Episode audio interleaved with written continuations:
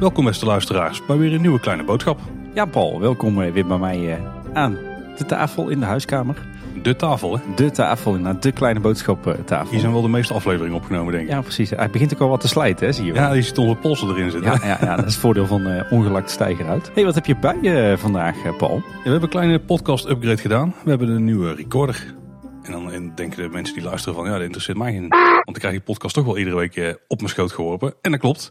Eh, en waarom hebben wij een nieuwe recorder nodig? Want eh, hopelijk klinkt onze podcast al wel redelijk. Daar doe ik in ieder geval wel mijn- best voor. Daar steek je aardig wat uurtjes in naar de opnames iedere week weer. Ik merk bijvoorbeeld wel dat als we interviews doen met mensen die niet iedere week in een podcast microfoon praten, dat die soms nog fluctuerend volume kunnen hebben. En dat is op zich niet zo erg, behalve als het volume veel te hard gaat.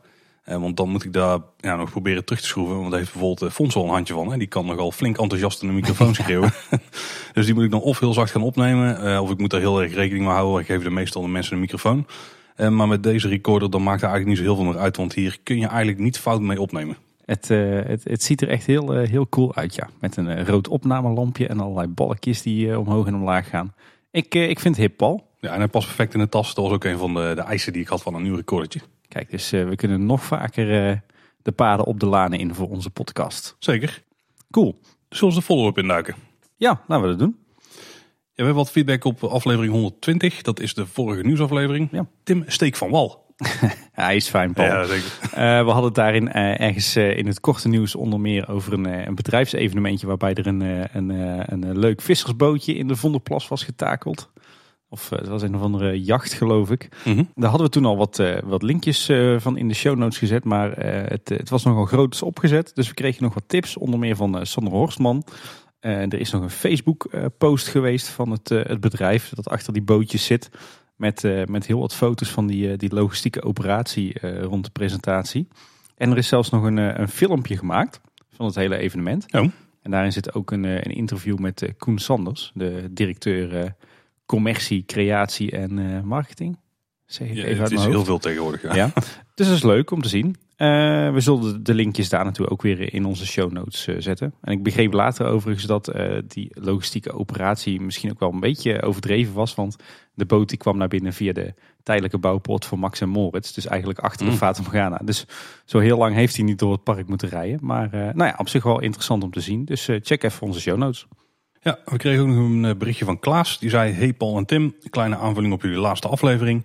Ik denk niet dat ze appartementen samenvoegen in het Poort- en Landhuis. Uit ervaring kan ik spreken dat er nu ook al appartementen zijn met sauna en bubbelbad. Twee jaar geleden hebben wij zelf zo'n VIP-appartement gehuurd in het Landhuis. Dus eh, ja, dat blijkt wel weer dat wij niet zo heel vaak daar eh, komen om te overnachten. Nee, gek hè? Ik had ook ergens gelezen volgens mij dat de hypoallergene appartementen dat die ook al bestonden eerder. Ja, inderdaad. We kregen van meer mensen dezezelfde feedback. Blijkt inderdaad dat bij het, eh, de ombouw zeg maar, van de appartementen naar hotelkamers... Dat er, eh, dat er in ieder geval geen appartementen worden samengetrokken of zo. Dus de opzet en de indeling blijft allemaal hetzelfde. Het is meer eh, de, de inrichting die wat verandert. En, en vooral de service. Hè? Dus waar een appartement erg zelfvoorzienend is of wordt geacht... worden nu hotelkamers en heb je dus full service, zo gezegd. Ja, dus eigenlijk was het weer een sterk staaltje marketing waarbij ze een bepaalde set aan appartementen weer onder de aandacht brachten. Ja, inderdaad. Ja. Wij zijn erin getrapt. Nou ja, we worden toch weer wat wijzer dankzij onze luisteraars. Waarvoor dank. Nou, en de vorige keer hadden we het ook over die video van werken bij de Efteling, die ik inmiddels trouwens heb gekeken. Ah, kijk. Inderdaad, grappig videootje. Ja. Er Het zitten wel eh, leuke, leuke geintjes in verwerkt. Ehm, en we kregen nog te horen dat die was gemaakt door Philip en Hugo. Een uh, volgens mij een marketingbureau. Hè? Ja, inderdaad. En uh, we hebben ook wat linkjes gekregen, zowel naar het bureau als naar het originele filmpje. En ook die uh, zullen we in de show notes zetten. Ja.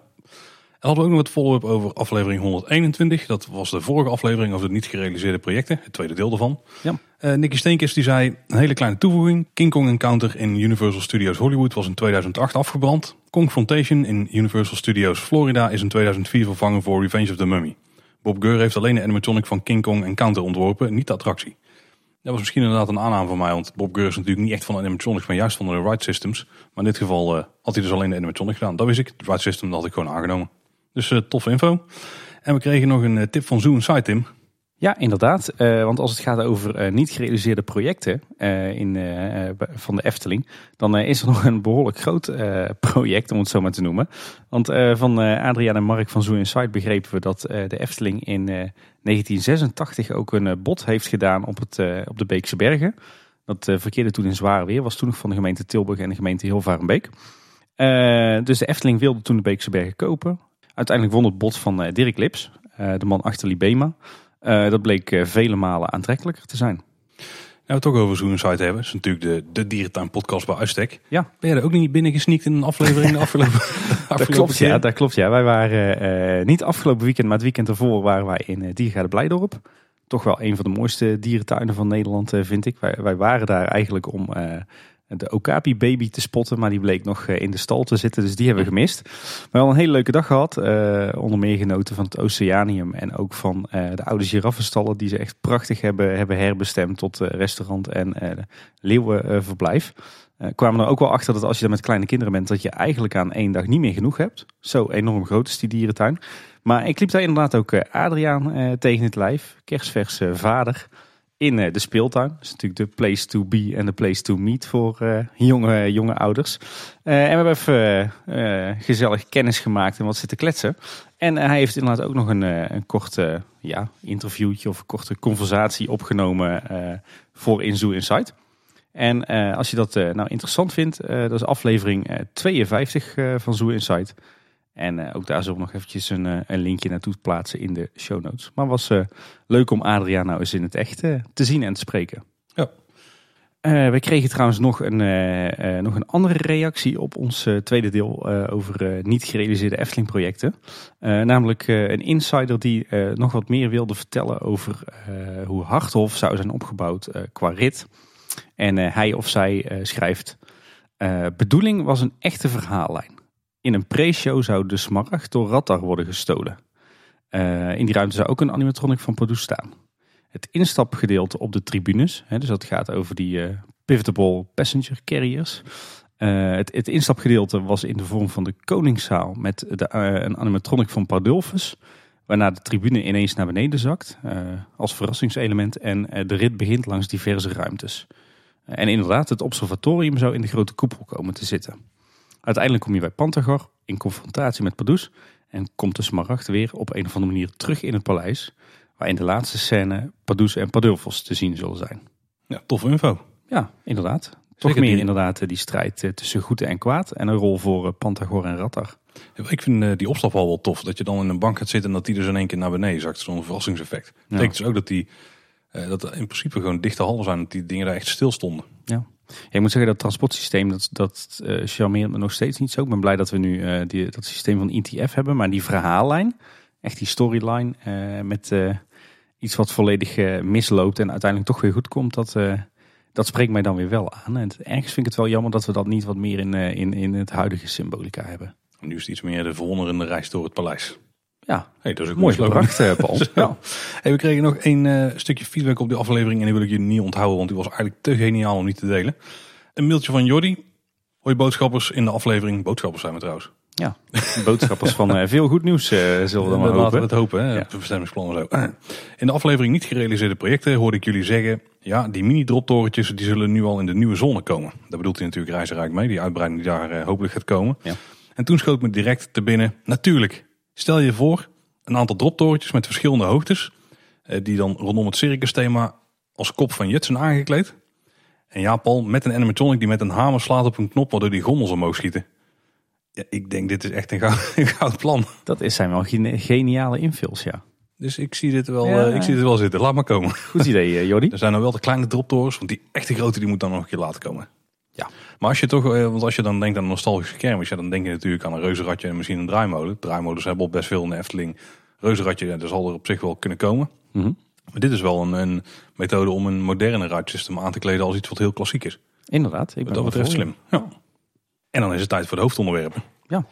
Toch weer een zeswanenpuntje. Ja, we hadden volgens mij gezegd dat we daar uh, nog best wel een paar weken over door mochten praten, toch? Aangezien ja, het de nieuwigheid uh, is. En dat blijkt ook wel. Ja. Zullen we beginnen met de voice clipje? Want die hebben eentje gekregen van Jafet van After Park Lounge. Ja. Ja, dag Paul en Tim. Hier spreekt Jafet van uh, jullie collega-podcast After Park Lounge.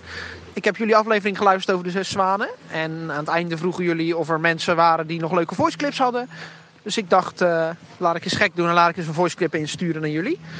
Um, voordat ik uh, begin met te vertellen wat ik allemaal heb gezien, is het misschien wel even belangrijk om te weten dat ik er blanco in ben gegaan, redelijk. Ik heb jullie aflevering wel geluisterd van tevoren. En ik heb enkele foto's gezien. Maar ik heb bijvoorbeeld de making-of video's heb ik niet gezien. Dus um, ja, daar kan ik ook niks over zeggen. Wat valt mij op? Nou, ik liep net het plein op. En het eerste wat me eigenlijk opviel was dat het best wel klein is. Ik dacht van wow, is dit het? Want het is best wel een, een, een je ziet het gebouw best wel vanaf de verte. Je kan vanaf de Routenplein het gebouw al zien natuurlijk. Um, dus ik kom plein op en ja, dat was eigenlijk het eerste wat mij opviel. Dat het best wel klein was.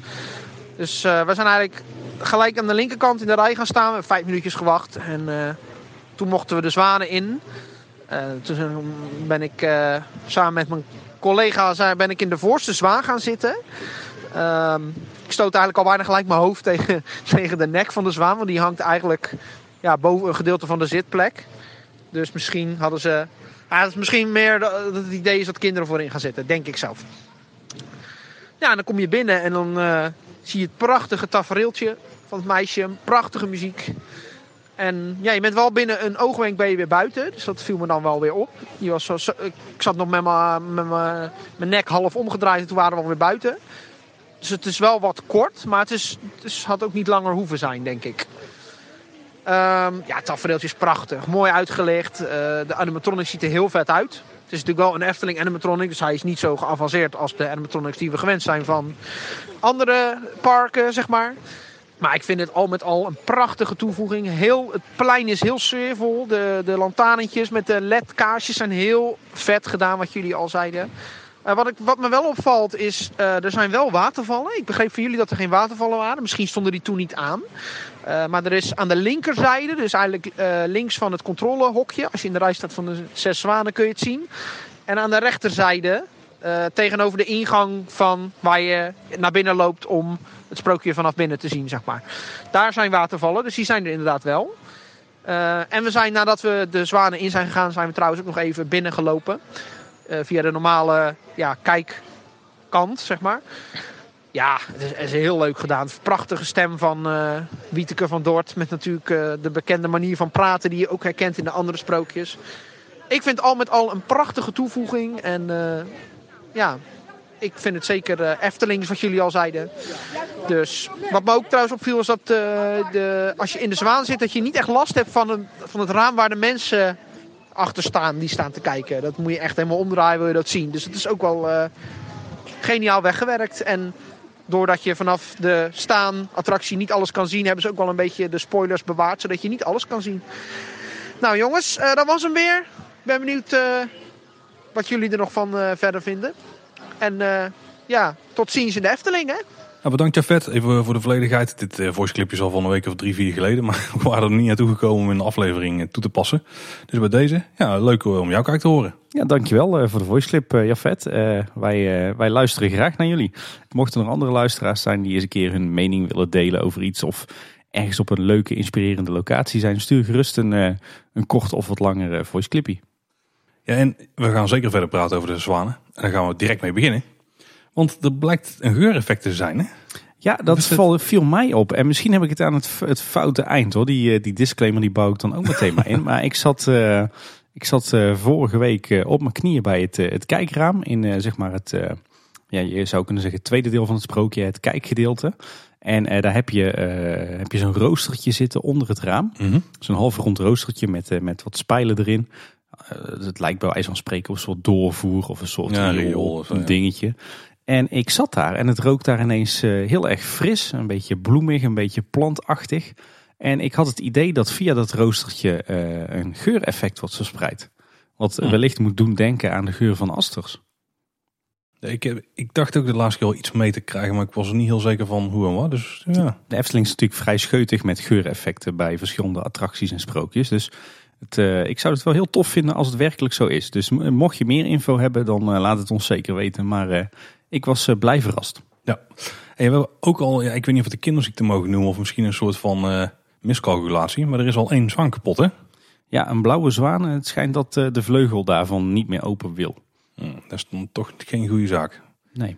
De, de- de ervaringen die ze hebben met eh, metaalbouw Emmelen, Emmelen die ze hebben met metaalbouw Emmelen, zo heet ze, nee, Emmelen, Ja, Emmeline. Emmelen, die ehm, zijn nog niet echt goed dan, hè? Oude Nee, en tuffers, wat kinderziektes, zie je dan ook niet echt direct jackpot. We, begrepen van een insider ook dat de Efteling wel een beetje klaar is met het eh, bedrijf, eh, geloof ik. Dus eh, ja, balen. Ik hoop dat het snel gemaakt wordt. En sowieso hoop ik voor de medewerkers dat, dat die vleugels wat, wat soepeler open en dicht gaan. Want ik heb het idee dat ze nu toch lekker moeten bukken en dan flink wat kracht moeten zetten. En dat is natuurlijk voor de rug ook niet al te best. Ja, en dan eh, horen we toch links en rechts wat aanhoudende klachten. Hè? Ik denk vooral van de mensen die niet net als ons daar eh, heel erg verrukt kijken naar een subtiel ingetogen sprookje. Ja, nee, inderdaad. Ik moet zeggen, ik vind dat zelf wel heel zuur en, en wrang hoor. Want ik, eh, ja, wij zijn toch over het algemeen best wel enthousiast over het sprookje. Maar het valt mij op dat als je daar staat en ook als je een beetje, een beetje leest op social media. niet zozeer onder de echte diehard fans, zeg maar, maar meer onder de abonnementhouders en de trussen uit Delft. Dat er toch best wel veel negatieve reacties zijn. En dat komt dan eigenlijk met name, eh, denk ik, door een stukje verwachtingsmanagement. Eh, Mensen eh, die, die horen van joh, de, een nieuw sprookje in de Efteling met attractie. En die gaan er denk ik naartoe met de verwachtingen van nou, nou gaan we echt een fantastische attractie zien. Ja, en die zien dan een heel kort tafereeltje waar natuurlijk relatief gezien weinig gebeurt. Ehm, en vaak hebben ze dan in deze tijd ook nog eens een minuut of 40, 50 staan wachten. En eh, ja, dat wringt denk ik. En eh, ik merk heel, veel, heel vaak bij de uitgang eh, dat mensen er teleurgesteld en gefrustreerd uitkomen. Hm. En dat vind ik wel ja, vind ik jammer. Want ik denk dat dus vooral, het heeft denk ik en een beetje te maken met doelgroep. Ja, dit is, eigenlijk is het denk ik het, het attractiegedeelte vooral voor kinderen tussen 0 en 4 interessant. Ik merk er wel aan mijn eigen kinderen, die vinden dat fantastisch. Ja, die van mij ook, ja. Maar ik denk als jij daar als volwassene ingaat zonder kinderen of als tiener of als twintiger eh, en je hebt dus geen kleine kindjes bij, ja, dan ben je eigenlijk ook niet echt de doelgroep. En dan kan ik me ook voorstellen dat het net wat minder indruk maakt. En eh, ja, ik denk dus inderdaad dat mensen gewoon te veel ervan verwachten. En misschien eh, stip je daar ook onbewust wel een beetje een ander punt aan. En dat is dat, ik, dat denk ik nu het sprookje zo is opgezet dat de optimale manier om het te beleven wel in het bootje is. Want ik denk dat de looproute, zeg maar, het kijkstukje vanuit daar, dat, dat lijkt wel onder het feit dat die zwanen er langs gaan. En dat die een andere blik hebben of een, een andere hoek van het sprookje bekijken, zeg maar. Ja, jij zegt dat, maar aan de andere kant is, is juist die manier van het sprookje bezoeken, krijg je dan juist wel het verhaal mee wat je dan weer in de zwanen niet hebt. Ja, maar, nee, maar dat is echt puur het verhaal. Maar als je het Ja. hebt over, ik denk dat het, de manier waarop je van, naar het sprookje kijkt vanuit de gaande rij, zeg maar, dat die nu een beetje afgezwakt is ten opzichte van wat het had kunnen zijn als het ervaren geen onderdeel was van het geheel, zeg maar. Ja, je wil zeggen, dan had je daar veel meer een brede blik gehad op die hele scène waarbij je de he- het hele grottenstelsel zag. Ja, zeg maar. ja, dat is eigenlijk wel. Ik denk dat als je een looproute had gehad waarbij het zicht was vergelijkbaar met wat je nu ziet vanuit het bootje. De premier viewpoint is denk ik wel echt vanuit het bootje. En eh, het is een beetje ondergeschoven kindje nu te gaan rijden. Het is nog steeds heel tof hoor. Alleen eh, als je dus niet in het bootje gaat, dan mis je toch wel een stukje van, van het geheel. Dan heb je misschien ook niet door dat Elisa omhoog komt, juist omdat die zwanen langskomen. Ja. Hoewel ik moet zeggen dat ik dat de eerste keer ook niet door had. Maar andersom, als je wel in de zwaan gaat en niet het kijksprookje doet, dan eh, krijg je het verhaal niet mee. Nee, ja, tenzij je het boek leest, dan heb je wel even tijd voor als je Ja. daar eh, 40 minuten staat te wachten. Ja. Ik, ik denk dat die wachttijd ook wel vooral debet is aan, aan de reacties. Hoor. Denk ik ook. Ik, denk dat, dat, ik hoop een beetje dat het terugzakt naar 15 minuten. Ja, het zal in het hoogseizoen straks toch wel weer een half uurtje worden of zo. Ja.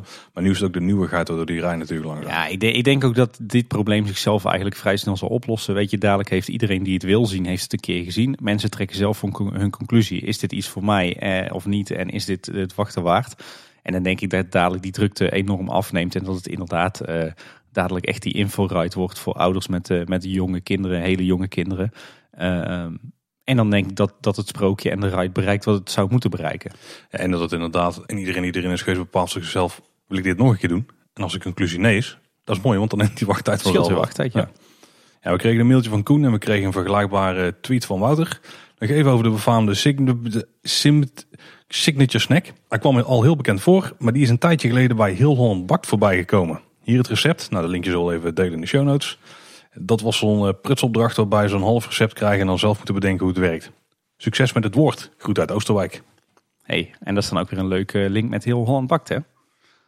Ik eh, heb geen idee. Daar, dat is eh, de plek waar Robert van Beckhoven natuurlijk Oh, geworteld zit. Die kennen we dan wel. Maar dat is vooral voor wie is de mol. Maar uh, dit wordt volgens mij nog steeds uh, verkocht. Ja, er zit wel een. Uh, volgens mij stoppen ze er in december mee of zo. Dus ja. als je er eentje wil, dan moet je nu, nu je slag slaan. Zoals verder gaan naar Max en Moritz. Ja, lijkt me goed. Ja, daar zijn ze ja, nog steeds eigenlijk heel hard aan de gang. Ik denk dat het ook weer zo'n terugkerende uitspraak gaat worden. Sowieso een terugkerend item in Kleine Boodschap uh, tot ergens dit uh, voorjaar 2020. Ja, en afgaande poeven de zwanen bespreken ook nog uh, ruim daarna. Tot diep in 2021 waarschijnlijk. En volgens mij een paar dagen na de vorige aflevering toen kwamen wat foto's naar boven van Airpro Waalwijk. Die vliegt regelmatig rond hier in de buurt en die maakt dan foto's vanuit de lucht met zijn drone. Ja. Nu had hij dus foto's geplaatst waarbij je heel goed het bouwterrein van Max en Moritz kon zien. Ja, dat is wel tof hè, van bovenaf. Hele gave foto's, ja. Schitterend. En, en op zich ook wel opzienbaar om te zien wat voor open plek dat er in het bos is ontstaan hè, door de sloop van de bos. Ja, dan zie je dan nog veel beter dan, dan vanaf de grond. Echt een gat in de Efteling bijna. Nee, die link naar de foto's zullen we delen in de show notes. Maar er staan ook veel meer foto's bij dan alleen het bouwterrein van Max en Moritz. Dus check die zeker even als je de Efteling van boven wil zien. Zie je toch weer hoe, uh, wat voor schitterend park de Efteling eigenlijk is. Dat wist wel. Ja. ja. De rechtergevel van het station die wordt gethematiseerd. Dus de begane grond, daar zijn van die hele grote stenen, ja, van die kei eigenlijk uitgekrapt. Hè, uit het beton wat ze daar tegenaan hebben geslingerd. Ja, dus eigenlijk het, het geveltje wat echt, uh, wat niet zozeer op het, het oude station wordt geplakt, maar wat echt naar voren komt. Hè? Wat ze er echt ja, tegenaan metselen en bouwen, zeg maar. Ja, het is eigenlijk niet, niet eens het meest rechte stuk van het geheel, want daar hebben ze natuurlijk nu een aanbouw al gezet. Ja, het is een stuk wat uh, wel wat nog aan het originele vast zeg maar. Ja. En uh, daarboven daar hebben ze, ja, hoe noem je het, het dak zeg maar, de kopse kant van het dak, die zijn ze aan het bekleden. Ja. En daar hebben ze de, de boeiborden, zijn dat de, de, is dat de vakterm Tim? Uh, de, de boeiboord is zeg maar de dakrandafwerking. Die, de, ja. Dat is waar ze nu zeg maar die kunststof elementen tegenaan uh, plaatsen. Die ja, met het houtsnijwerk. Ja, ja, inderdaad. Die wou ik inderdaad noemen. Ja, kijk. Ik heb het goed. Ik begin, met de, ik begin op te steken van jou. Heel tof. Je, je leest gewoon op uit het draaiboek hè Paul? Ik zat niet te kijken. Ik oh, nee, goed bezig. En um, en, en daarachter hebben ze allemaal houtbekleding gedaan. En vaak eronder, zeg maar, in de, in de driehoek die daarboven vormt. Ja, en die hebben ze een beetje lichtblauw gebijtst, hè? Ja, het is wel zo'n kleurtje die op het Anton Pieckplein een beetje terug zou zien komen. Misschien iets helderder. Ja, wel een beetje, beetje, beetje richting het pastel. Maar ik denk dat we hier toch inderdaad deze gevelrij uh, behoorlijk uh, bont kleurenpalet gaan zien. Zoals we ook uh, laatst zagen op die geveltekening die was uitgelekt. Ja, bont. Bont mag wel tussen airquotes. Voor de Efteling bont. Ja, inderdaad. Uh, maar inderdaad, dat geveltje dat, uh, dat uh, krijgt al steeds meer decor. Ik zag nu dat ze ook een soort van fake kozijnen er tegenaan aan het schroeven waren. dus ja, het ziet er steeds meer uit als het eindresultaat. Ja, dit gaat best hard hè, als het zo doorgaat. Dan zijn ze over twee maanden klaar met het stationsgebouw.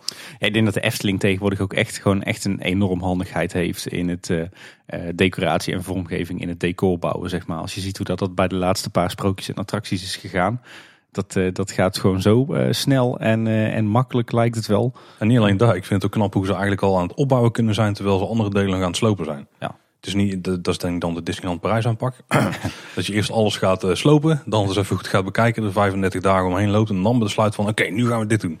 Ja, Bij de Eftelingen werkt dat in ieder geval niet zo. Eigenlijk is de, de Disneyland Parijs wat dat betreft gewoon een gevalletje help mijn man is klusser.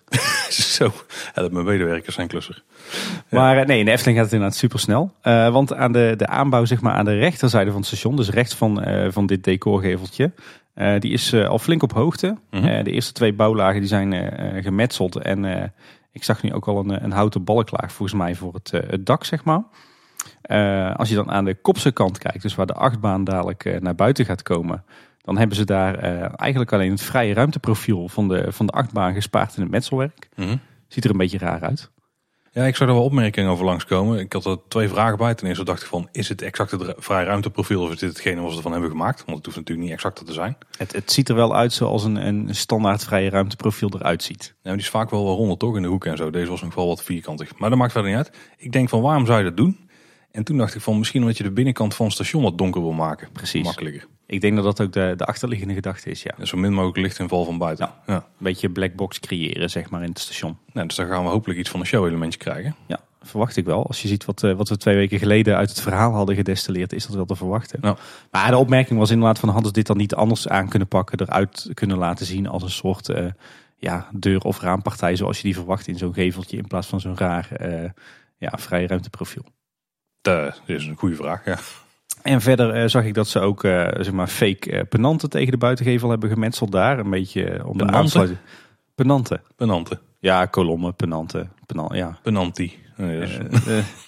ik weet alweer niks van voetbal. Dus, dat was geen voetbalterm trouwens. Oh, oké. Okay. Nou ja, in ieder geval, die hebben ze er tegenaan gemetseld. Volgens mij een beetje de aansluiting te zoeken met, eh, met die muur die terugkomt. Mhm. En ik zag ook een foto van Jeroen 2 dat er ergens in het metselwerk een soort van scheur en gat zou zijn gemaakt. Oh. Het, het, eh, de, bewust overigens hoor. Eh, ik weet niet hoe ze dat gaan afwerken, of er aan de binnenkant dan glas achter komt of zo. Maar dat, het zag er een beetje uit alsof ze dat bewust hebben gedaan. eh, alsof het moet lijken alsof dat een gevolg is van een, eh, een streek van Max en Moritz, van een explosie. Alsof daar het metselwerk is weggeslagen. Mhm. Het zag er best wel cool uit. Alleen ik kon het niet echt thuisbrengen waar het nou precies is. En wat we ook hebben gezien is dat de aanbouw aan de achterkant van het station dat die al heel aan het klaar is. Ze hebben er eigenlijk een hele nieuwe staalconstructie opgetrokken. Eh daar zijn ze al aan het metselen geweest. Er is zelfs al een betonvloer in, eh, ingegaan. Volgens mij ook op hoogte. Ja. Stationhoogte. Ehm, en er zitten binnenwanden in. Dus eh, daar gaat ook hard aan die kant. Ja, zeg maar de aanbouw die ze moeten maken om dat tweede spoor kwijt te kunnen hè, met instapperon. Met name Ja. dat instapperon komt erbij eigenlijk. Ja, precies. Ja.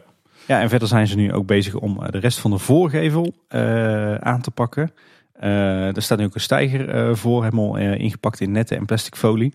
En we zien daar onder meer dat ze wat, wat V-kozijntjes hebben aangebracht. dat ze wat, ja, zeg maar wat houten balken hebben aangebracht. Om het een beetje op die, die ja, Oostenrijkse, Zwitserse Mhm. vakwerkhuisjes of Duitse vakwerkhuisjes te laten lijken. Maar ze hebben nu ook wat, wat echte kozijnen nog aangebracht. ja, dat is dan wel vreemd met het vrije ruimteprofiel discussietje van net. Ja. Misschien mag er her en der toch wat licht binnenvallen dan Ja. of zo. Hm. Eh, maar dat wordt in ieder geval, eh, ja, eigenlijk op de, de gevel van het oude station eh, plakken ze eigenlijk wat, eh wat decor-elementen. Daar zijn ze nu mee bezig. En ze zijn ook al begonnen met het, eh, het nieuwe stukwerk. Ja, want die plantenbak is bijvoorbeeld alweer voor een deel gestuukt. Hè? Ja, inderdaad. Eh, Geldt Ja. overigens ook voor de, voor de muur zeg maar, tussen het, het station en de steenbok. Die hebben ze natuurlijk ook eerst helemaal kaal gestraald. En die staat nu ook helemaal in, de, in het stijgerwerk en in de folie. En eh, daar zijn ze ook aan het stukken. En die hebben ze ook voor een deel open gewerkt. Hè? Dat was al heel vroeg in het proces, maar hebben we volgens mij nooit benoemd. Maar hebben ze eigenlijk gewoon een meter eh, van de bovenkant is nu open gemaakt. Was dat vroeger hout? Of was dat vroeger hout in, ja. Dat hout hebben ze weggesloopt. Zou daar weer zoiets terugkomen of zo? Of ik heb geen idee eigenlijk. Zou kunnen. Ja, daar krijgen we nog in ieder geval weinig hints van Ja. eh, van wat daarmee gaat gebeuren. En de nieuwe muren, eigenlijk de vervanging van de oude muur rechts van het station. De vorige kon al melden dat ze daar de fundering van hadden gestort. En die zijn ze inmiddels ook aan het, aan het metselen. Ja, alleen hier gebeurt iets raars. Eh, ze zijn volop aan het metselen aan eh, de penanten. Daar heb je ze weer. Mhm. Ehm, en wij dachten dat, eh, dat, dat de muur zeg maar terug zou komen zoals die ook altijd was. Dus die penanten en daartussen gewoon gevel of, of muur eigenlijk. Maar nu viel me op dat ze al eh, zwarte grond tilaarde hadden aangebracht over die fundering heen. Dus Oh. het lijkt erop alsof ze alleen die, die kolommetjes gaan metselen en er geen muur meer tussen komt. Dat is sowieso wel logisch. Want als ze kolommen zouden metselen met die muur ertussen, dan hadden ze dan meteen gedaan. Dan hadden Ja. ze laag voor laag op gaan bouwen. Ja, zit je nu naar de rand tussen. Nu hebben ze gewoon zwarte grond over die fundering gegooid. Wat mij ze overigens dan weer verbaasd, want ik vraag me dan af waarom heb je dan in vredesnaam over de hele lengte van die muur fundering gemaakt? Misschien een beslissing die later is teruggedraaid. Ja, zou kunnen. Misschien dat ze er hout tussen gaan plaatsen in plaats van metselwerk. Ja, dat klinkt dan Zou aannemelijk, ja. Ik vond het, eh, het verrassend in ieder geval. En wat verder ook nog te zien was in het, eh, het achterliggende terrein is dat ze nu nog steeds druk bezig zijn met het betonwerk eh, ter voorbereiding op de baan. Ze zijn nu die, eh, die mooie ronde opstortingen aan het maken op de poeren. Mhm. En waar we tot nu toe iedere keer van die ja, opstortingjes van een centimeter of 30, 40, 50 zagen. Zie je nu in het achterliggende gebied dat daar eh, opstortingen van een meter of soms zelfs hoger eh, komen. En dat is toch een teken dat we aardig wat glooiingen in het landschap gaan zien daar. Want die vullen ze aan met aarde tot aan die poeren, zeg maar. Ja, tot eigenlijk bovenkant beton. Je moet zeg maar net eh, de, de de moeren kunnen inspecteren waarmee dat, eh, de staalconstructie vastzit aan het betonwerk. En eh, ja, dat is volgens mij de enige reden waarom dat ze daar die, zulke hoge opstortingen maken. Omdat daar het, het grondwerk zo hoog gaat komen. Dus het landschap krijgt glooiing en mogelijk gaan we die ook volgen met de, met de treintjes. Precies. Hm, dat zou leuk zijn. Ja. En is eigenlijk ook heel logisch als je verwacht dat daar bijvoorbeeld een beek gaat komen in dat gebiedje. Oeh ja, die moet ook ergens een oorsprong hebben natuurlijk. Exact. Hm. Interessant project. Ja, zeker. Nou, nou, nou alleen nog hopen dat we een keer eh, met bouwhelmpje op eh, rond mogen lopen op die We bouwen. zijn gewoon aan het lobbyen hier in de podcast. Ja. Ja, precies. We, we hebben nou toch zo'n eh, zo'n mooie draagbare recorder. Je, je je- al aanknopingspunten zoek je ook gewoon. Hè? Ja, zo Ja. doen we dat. Zoals verder gaan naar het volgende project. Wat, en dan nu naar het volgende project, wat op dit moment een versnelling hoger is gegaan. En dat is namelijk Fabula. Want gisteren, ik heb er weinig traantjes bij weggepinkt, maar gisteren is Spannendrum dicht gegaan. Definitief, voor altijd. Tim, we kunnen er nooit meer van iets meemaken. Opgeruimd staat netjes, zou ik willen zeggen. zo lekker. Gisteren was het heel emotioneel natuurlijk met afscheid. Ja, ja, blik achter de schermen. Het is nu woensdag, dus de attractie is nog een dag of vier open terwijl we dit eh, opnemen. Maar inderdaad, als je dit luistert, eh, is, het, eh, is het, leed, het leed geleden of het leed geschied. Ehm, ja, slechtste attractie ooit, denk ik. Slechtste beslissing ooit om deze attractie te bouwen. Dus wat mij betreft, eh, goed, eh, goed dat we er vanaf zijn. Slechtste attractie ooit? Oeh, dat is nog wel interessant om daar een keer over na te denken. Ja, vind ik wel. Durf ik wel te zeggen. Ik moet dan even alles nagaan in mijn hoofd, denk ik nog. Maar ehm, hij is dicht. Dat betekent dat ze nu aan de binnenkant zijn begonnen met eh, alle werkzaamheden daar. Ja. Ehm, maar op dit moment weten we ook een aantal andere dingen die daar al zijn gebeurd. Zo is restaurant Octopus helemaal gesloten. En die is ook eigenlijk al compleet gesloopt. Die is gewoon helemaal leeg, die ruimte op dit moment. Van wat foto's die we hebben gezien. Ja. Dus als je afgelopen weken de Pannendroom filmzaal moest verlaten... dan moest dat via de nooduitgang en de dienstruimtes. dat kwam eigenlijk uit achter de steenbok, eh, zeg maar. Ja, Ja, op het pad bij Aquanura. Zag er eh, bijzonder uit. Ja. De afgelopen weken is er ook eh, nog hard gewerkt aan eh, het rotswerk bij de, de entree. Eh, dat is inmiddels gereed. Hè. Die snuit eh, die zit er weer op bij de beer. En het eh, Fabula logo is klaar.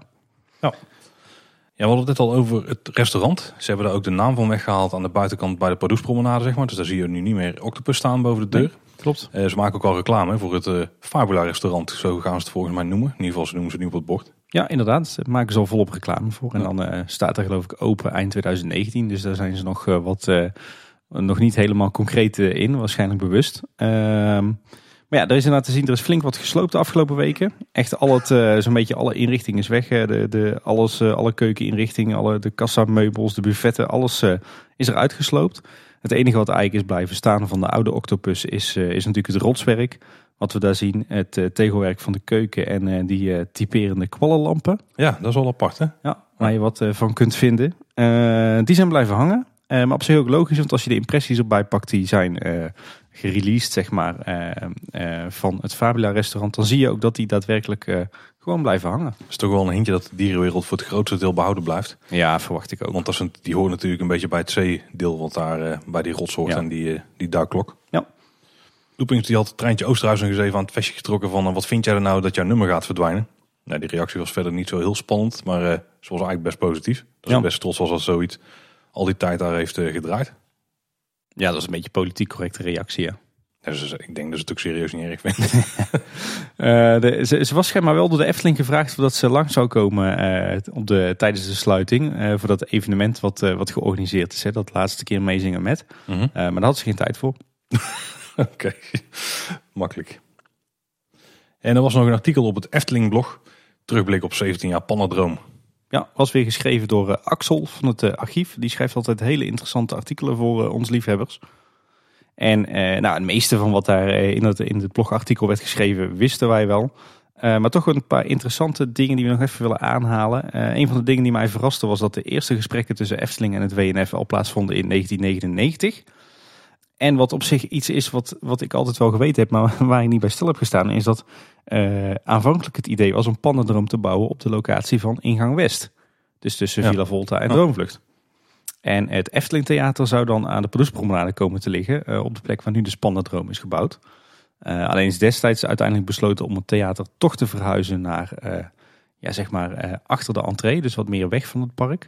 Eh, in een, wat, wat ooit een uitrijk zou gaan worden. Eh, en de Pandadroom verhuisde toen dus naar zijn huidige plek. Ehm, de, ik weet nog wel dat het destijds eh, een, echt een last minute beslissing was. Dat, dat kwam toen ook in, zo in 2001, 2002 ook de, de fanscene een beetje binnendruppelen. Zoals dat wel vaker gaat met dat soort geruchten. Maar interessant om nog even terug te lezen. Misschien ook nog wel een tip is een beetje in dezelfde trant. Eh, Thomas van Team Talk, die heeft een blogberichtje geschreven. Doen ze tegenwoordig bij Team Talk, hè? Dus eh, dat is Team Read, of denk ik, Team Right. Dat is misschien niet zo'n heel sterke naam. Ja. en eh, die, die, die probeert er een beetje in te onderzoeken waarom de fans Pannendroom niet moeten. Ja, er Dus- stonden een aantal redenen in die, die ik wel onderschrijf. Maar het is volgens mij nog niet eens het hele verhaal. Nee, maar veel meer. Maar in ieder geval leuk, leuk interessant Ja. leesvoer in deze tijd waarbij we toch, nou, laten we zo zeggen, waarbij sommige mensen met een beetje een traantje afscheid moeten nemen van Pannendroom. En sommige mensen denken, opgeruimd staat netjes. Flesje champagne gaat daar open, toch? Oh nee, schrobbelair, Paul. Oh ja. We moeten wel een beetje bij onze, onze branding blijven. Wel met bubbels.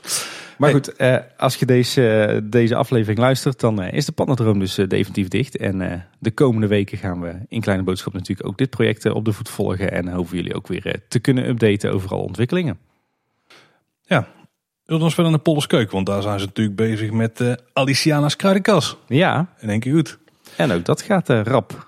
Ja, want daar zien we nu al dat er heel veel hout is geplaatst. Tenminste, ik weet niet of het echt hout is. Ja, volgens mij wel. Hè? Ja, jawel. Wel houtsnijwerken, wat ze allemaal eh, boven. Ja. eigenlijk dus al die kolommen hebben geplaatst. En de deuren zitten er volgens mij ook al voor een deel in. En het glaswerk zit er Ja. voor een deel in. Ja, het was, het was wat wij de vorige keer ook al wel een beetje voorspelden. Ze hebben die betonvloer die ze daar in plaats van het straatwerk moesten maken, die is inmiddels gestort en uitgehard. En ze hebben die, eh, die ruimte zeg maar tussen die staalkolommetjes, eh waar vroeger die mooie kunststof, eh ja, kunststofkolommetjes tegenaan waren bevestigd, die een beetje eruit zagen als, als houtsnijwerk. Die zijn weggehaald, eh, de kolommetjes zijn blijven staan en daar hebben ze ja, eigenlijk houten puien tussen gezet. Hè? Compleet met, met deuren, ramen, glas. en dat is eigenlijk in een periode van een paar dagen er, er helemaal ingefietst. Dus het is nu wind- en waterdicht, zoals ze dan in de bouw zeggen. En eh, eigenlijk het enige wat nu nog moet gebeuren is de afwerking binnen. Dus eh, de vloer zal nog betegeld worden. Er moet nog een, eh, een lambrisering tegen de wanden.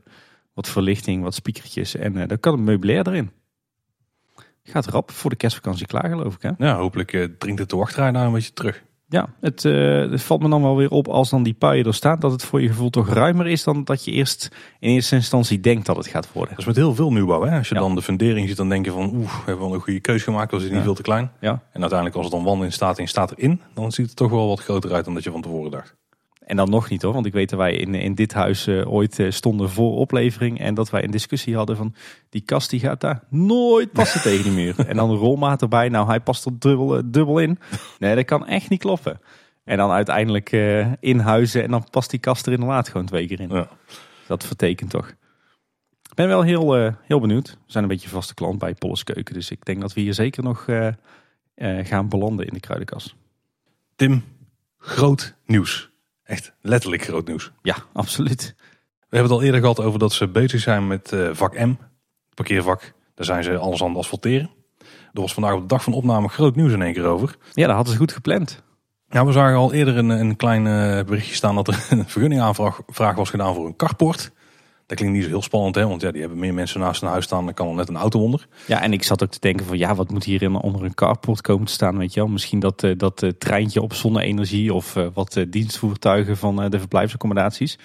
Maar het was iets groter dan dat. Ja, want we moeten onder een carport staan. Wat een dacht je van 1346 auto's? Ja. Dat is wel een flinke carport, hè? Ja, vandaag was wel echt een aankondiging van formaat die we ook niet hadden, hadden aanzien komen. Want wat blijkt, de Efteling die gaat zonnepanelen plaatsen eh, boven vak M eigenlijk. Ehm, of nou ja, er worden een soort carports gemaakt. Ik denk eigenlijk een soort van eh, staalconstructies, Mhm. eh, simpele constructies. En daar gaan ze 14.300 zonnepanelen op aanbrengen. Ja, en dat krijgt dan een totale oppervlakte van 23.000 vierkante meter. Dus dat is wel groot nieuws, hè? Ja, en daarmee gaan ze, wordt de Efteling bijna zelfvoorzienend. Gaan ze dus zoveel eh, stroom opwekken op basis van zonne-energie dat ze dus bijna eh, ja, de volledige energiebehoeften van het park eh, kunnen voorzien. Ja, je zou kunnen zeggen, we hebben best veel details gehad, maar in het algemeen vond ik de details toch nog best schaars. Dus ik ben een beetje gaan speuren naar wat meer info. En toen kwam ik eigenlijk tot een paar cijfertjes. Ik vroeg me ten eerste af, maar daar moeten we het daar misschien even over gaan hebben. Wat gaat dit nou voor invloed hebben op de uitbreidingsplan aan de westkant? Dat is denk ik de meest interessante vraag. Maar dat is Dus wel- laten we die dan bewaren voor iets later. Eerst wat minder interessante, lekkere nerd-info. die even parkeren, die vraag. Ja, ik had even zitten meten met mijn favoriete meten-app. En ik kwam er toen achter dat vak M totaal, dus M en M+. Dus dat is dat kleine stukje wat er nog rechts eh, van eh, Mhm. eraan vast zit, zeg maar. Of ten oosten van. Het eh, grote stuk is 42.000 vierkante meter. En ze gaan dus 23.000 vierkante meter aan zonnepanelen plaatsen. Dus dat is meer dan de helft van het Ja. eh, geheel. Er is natuurlijk te verklaren dat ze alleen de stukken waar de auto's staan overkappen. Maar de stukken waar de auto's rijden niet. Dus die blijven dan open. Zou het kunnen zijn dat je ongeveer uitkomt op dat aantal. Ik denk dat dan iets minder is dan heel vak M. Eh, want volgens mij heb je, is, moet de ruimte tussen die twee wegen dan 6 meter zijn of zo. En de parkeerplaats zelf is meestal 4,5 tot 5. Ja. Dus dan zit je op, ongeveer op een dekking van eh, ja, ongeveer ja, twee derde grofweg zeg maar, van het Ja. geheel. Ja. Dus dat komt dan hier net niet uit. Het zal iets minder zijn dan heel vak M, verwacht ik. Maar als je dan gaat kijken naar het aantal zonnepanelen en wat het dan zou moeten opleveren, dan is de aan elektriciteit. Dan kom ik uit op een, in mijn berekening op ongeveer 3 gigawattuur per jaar. En om dat een beetje in, in, in de context te zetten, dat is volgens mij een huishouden of 900 Zo. aan elektriciteit. Ik zit het in mijn hoofd even na. Ja, dat klopt aardig, ja. Ik, ik ben benieuwd eh, wat, wat het energieverbruik van de Efteling eh, zelf is. En eh, wat daar dan inderdaad het aandeel in gaat zijn. Want er wordt dus gesproken in het, in het interview in het Brabants Dagblad met Wieke Smit. dat het dus eh, een hele grote behoefte gaat voorzien voor de Efteling. Dat kan ik me wel ja. Een flinke stap is op het gebied van het klimaatneutraal en energieneutraal worden in 2030. Wat een doelstelling is van het park. Ik denk dat we er wel vanuit kunnen gaan dat bij iedere nieuwe grote bebouwing die ze zetten met een plat dak, dat daar ook gewoon zonnepanelen op gaan komen. Jawel. Dus die capaciteit gaan ze alleen maar uitbreiden de komende tijd. Maar dit is natuurlijk wel een mega stap hè, in vierkante Zo. meters, maar ook een mega investering. Dit zet wel echt uh, zoden aan de dijk. Ik ben overigens wel benieuwd wat, of, of dit een soort van VIP-parkeerplekken worden. Want ik zag wel in het artikel in het Brabants Dagblad, uh, die de scoop hebben gekregen, dat, uh, dat ze het ook echt spelen op comfort. Dus in de winter hoef je niet meer te krabben als je hier geparkeerd staat. En in de zomer staat je auto lekker cool. Dus ik ben benieuwd of, je hier, uh, of dit een soort VIP-parkeerterrein wordt. Het is dan wel dat de afstand tot de entree is dan weer groter. Ja, misschien dat het zo compenseren. Als het nou, ja, ja. Dus als je vroeger op dat stuk stond, dan was je echt genaaid. Want dan moest je je auto ook nog wassen naar de rand. Ja, maar nu, nu kom je juist goed weg. Mocht je tot je knieën door de modder. Maar even terug naar die, uh, die hoofdvraag die we dan net stelden. Ja, wat, wat die hoofdvraag die we over zelf hebben bedacht. Of die voor ons vooral heel erg prangend is. Want ik heb hem nog, nog niet echt in de reguliere media voorbij horen komen. Ja, maar laten we nog één keer de situatie schetsen, zodat we het even helemaal duidelijk hebben. Oh, yes! Ja, daar gaan we weer, Tim. Geografie. Of topografie. Was het in dit geval? Uh, nou, geografie. Oké. Okay. We hebben de Efteling, we hebben het hoofdparkeerterrein. Als die vol is, dan worden mensen, en ook als het gewoon druk is, zodat we mensen wat sneller van de werf kunnen halen, gaan die naar vak K, L en M. Ja. Dat is dus een stukje aan de andere kant van de, voor de ben ik helemaal kwijt. Kinkerpolder. Van de Kinkerpolder. En als je dus dat terrein oprijdt, voor iedereen die er wel eens met de auto heeft gedaan, dan kom je dus eerst volgens mij op vak K. Ja. Uh, en dat is eigenlijk het grote geasfalteerde stuk wat er nu al is. Volgens mij ligt Elder dan... In het verlengde daarvan? Ja, dat is het tweede deel daarvan. Die gaan ze dus ook doortrekken in de toekomst. Ja. En daar ten zuiden van, daar ligt vak M. En heel dit stuk is in het bestemmingsplan, daar is hij weer, is dit aangemerkt als dagrecreatie-uitbreiding. Ja, inderdaad. En daar zit een beetje de crux, want als je dus een deel van dit terrein, en dit is ongeveer, ja wat zal het zijn, grofweg uh, twee vijfde of zo van het geheel, van het oppervlak ja. daar. Ja. ja, ik wou zeggen het is meer dan een derde, maar met twee vijfde dek je de lading wel. Ja. ja. Gaan ze nu dus een toch wel redelijk permanente ja, bebouwing neerzetten. Met, tenminste, dat willen ze, want het is natuurlijk nog niet allemaal door de gemeenteraad heen en zo. Uh, van nou, door de Raad van State heen. Het is wel door de gemeenteraad heen, niet door de Raad van State. Nou, de vergunningaanvraag ligt er nou toch, dus dat kan nog Ja, oké. Okay, ja, nee, ik dacht even dat je het over bestemmingsplan had. Oh, nee, nee, sorry. Nee, de, de specifieke aanvraag hier voor die karpoort. Ja. Klinkt echt veel kleiner dan dat is.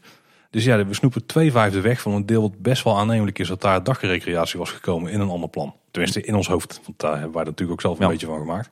Uh, maar het staat er wel letterlijk zo in het bestemmingsplan. Ja. Nou ja, ja je moet het, ik denk dat, dat je even iets moet uitzoomen. Kijk, wat was de bedoeling in het, in het bestemmingsplan? Of is de bedoeling? Want het bestemmingsplan dat, dat ligt nu dus bij de Raad van State. En dat wordt straks uh, hopelijk uh, ook goedgekeurd en daarmee vastgesteld.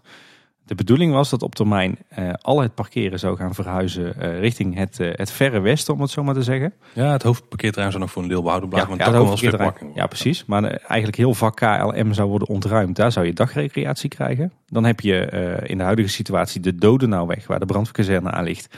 En als je daar overheen gaat, kijkende vanuit vak KLM, dan heb je nu nog vak O. Dat is dat overloopparkeerterrein op het gras. Daar heeft ook de bestemming dagrecreatie in het toekomstige bestemmingsplan. Precies, en als je dan nog verder uh, kijkt, of eigenlijk loopt of rijdt richting uh, Dreefseweg is dat. Dus richting uh, Kern, Kaatsheuvel en de Moer. Dan zou daar het grote Efteling parkeerterrein komen. En er stond ook in de plannen, in, verschil, in het bestemmingsplan, in het beeldkwaliteitsplan, dat daar dus die ja. carports tussen aanhalingstekens zouden gaan komen met zonnepanelen erop. Ja, zelfs met tekeningen al in het bestemmingsplan en in het uh, beeldkwaliteitsplan. Ja, en als je nu dus de, de, de, de, verschillende artikelen hierover leest, dan is eigenlijk het plan wat bedacht is voor dat nieuwe parkeerterrein in de verre toekomst, is nu naar voren gehaald. Zowel eigenlijk in, in tijd als in uh, geografische locatie.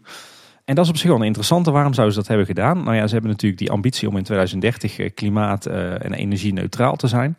Uh, en met de huidige ontwikkelingen rond het bestemmingsplan uh, is het eigenlijk onmogelijk om tegen die tijd al uh, die parkeerterreinen uh, te verplaatsen. Want wat gaat er gebeuren? Stel dat er begin volgend jaar de Raad van State zegt: jongens, jullie mogen verder. wat ik niet per se verwacht zonder aanpassingen. Maar goed, laten we zeggen dat ze ergens in 2020 mogen beginnen met, met uitbreiden. Dan gaan ze natuurlijk eerst aan de oostkant beginnen. Met Strookrijk, met die uitbreiding van Reizenrijk. Eh, zijn ze een tijdje aan het bouwen, eh, dan kunnen ze die, die reisrijke uitbreiding openen. Daarna komt nog de tweede fase, eh, de, de uitbreiding van Ruigrijk. Er komt nog een derde fase met waarschijnlijk een, een hotel op de plek van de oude directiewoning.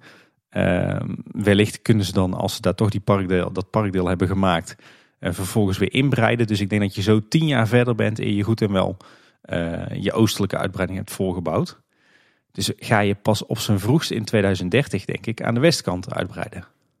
Ja, en daar kunnen we ook nog wel wat kanttekeningen bij plaatsen. Want er blijft daar wel gewoon een deel over waar ze ook kunnen uitbreiden. Dan is natuurlijk de vraag, wordt het de second gate, wordt het een uitbreiding van het park? Wat ik nog steeds een heel interessante vraag vind. Hoe kom je daar dan vanuit het huidige park? Ja, of wordt het uh, dat vurig gewenste uitrijk? Ja, ik, ik, denk als ik dan nu kijk naar die plannen, zou ik die misschien wel verwachten aan de andere kant van de Kingpolder. Want dan ligt dat dicht bij de parkeerplaats. In principe ligt dat dan uh, ten westen, of ten oosten en westen van een parkeerplaats. Dat is best wel gunstig.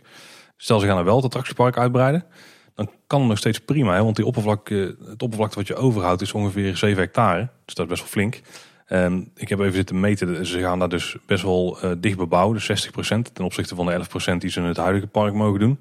Dan kun je daar met gemak alle huidige dark rides van de Efteling neerplanten. Inclusief Vogelrok, Villa Volta. En dan heb je nog steeds ruimte over voor nog meer attracties of uh, faciliteiten. Ja. Dus er is wel nog steeds heel veel ruimte om daar een heel tof stuk park neer te zetten natuurlijk. Ja, jij wil zeggen dan laat je vak M eh, met zijn zonnepanelen liggen en dan doe je je vak KNL op en dan ga je daar eh, uitbreiden. En als we het lijntje wat jij net schetste doortrekken, uh, ze gaan dat dan over tien jaar misschien beginnen, dan kunnen, dan kunnen ze dus nog vier, vijf, zes grote attracties neerzetten. Dus dat doen ze een jaar of twaalf over met het tempo wat ze een beetje ambiëren de laatste tijd.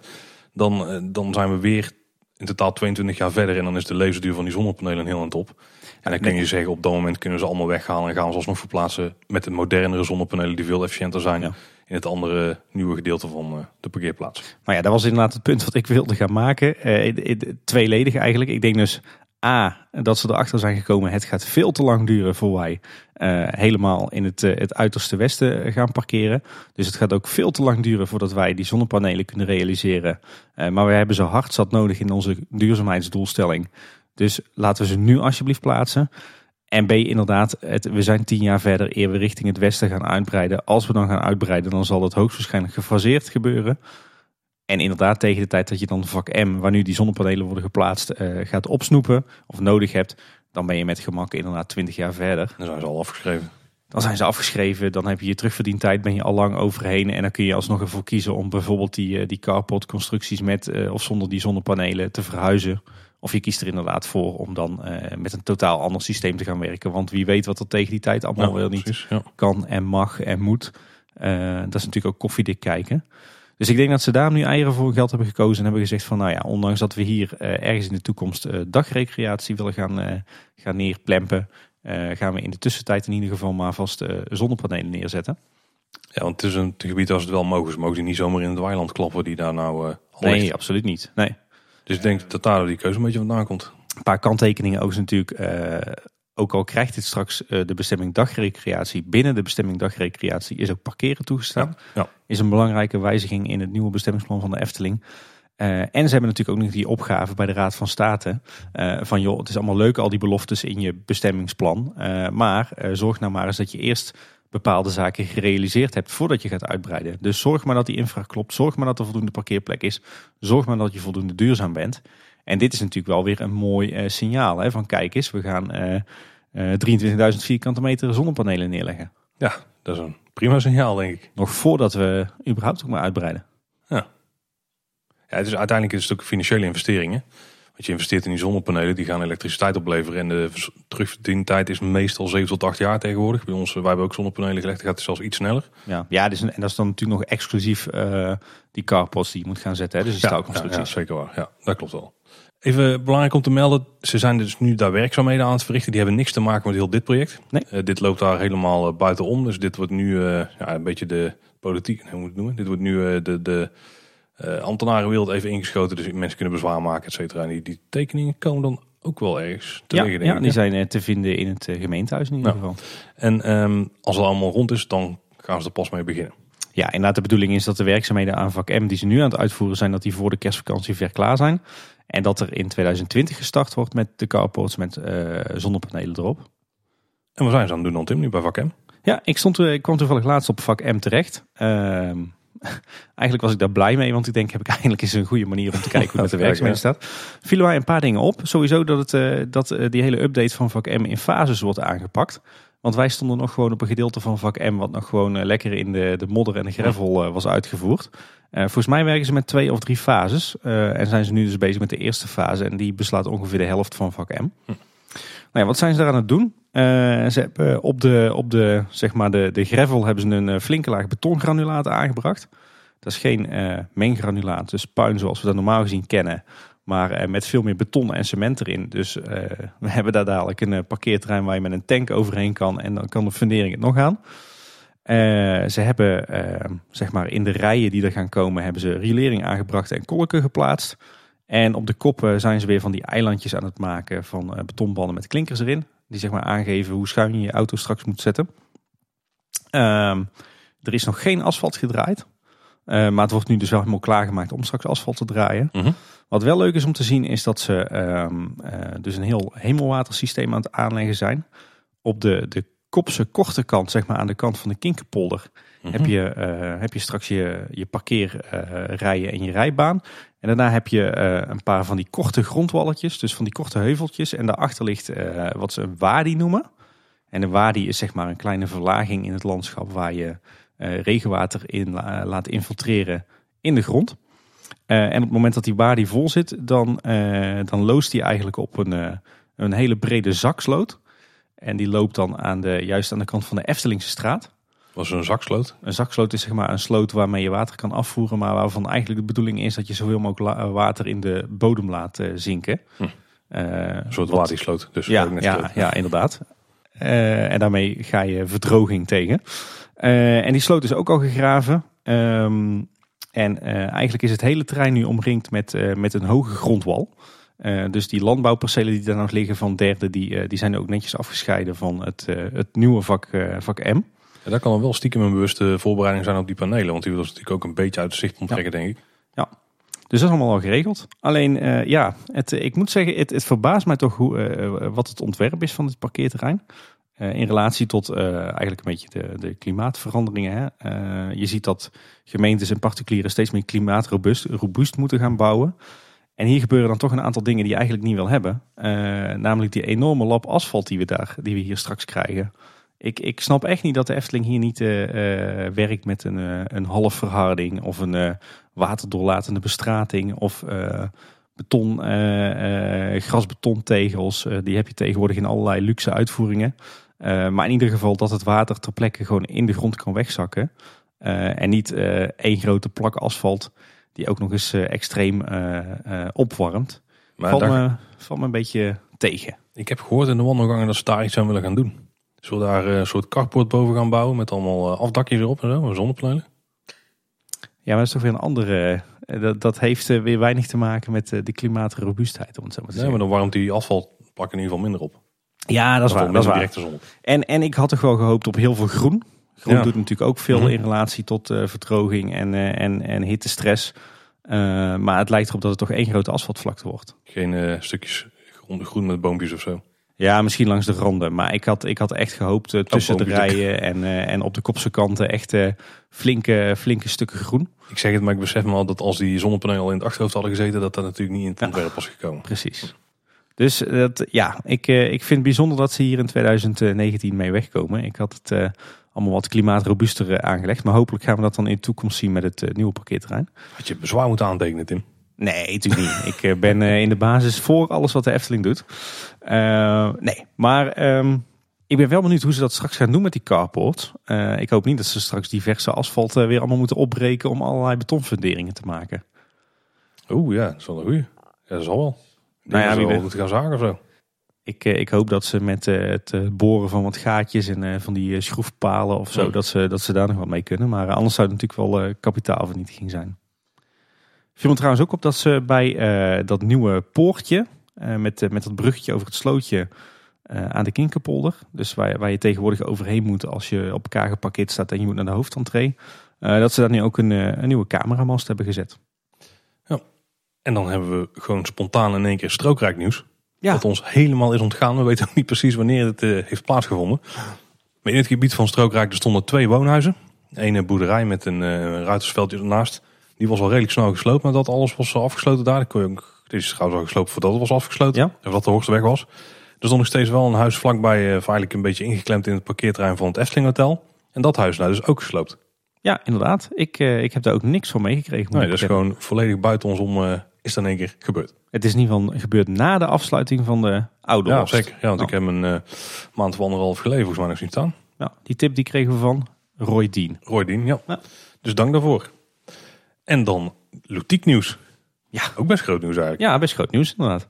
Ja, Lutiek, eh, Lutiek is nu natuurlijk een beetje ja, de action van de Efteling. Laat het zo maar gewoon eh, noemen, want daar komt het wel op neer. De Big Bazaar. Ja, wel, wel de plek waar je ook dan de, de pins en zo kunt halen. Dus dat is nog wel een, een beetje de reddende engel in het geheel.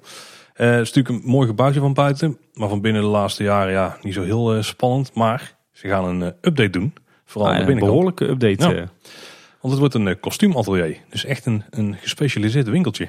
Ja, inderdaad. Het wordt een knusse winkel waar je kleding kunt uitzoeken, passen en kopen. En het gaat dan zowel om kleding als verkleedkleding.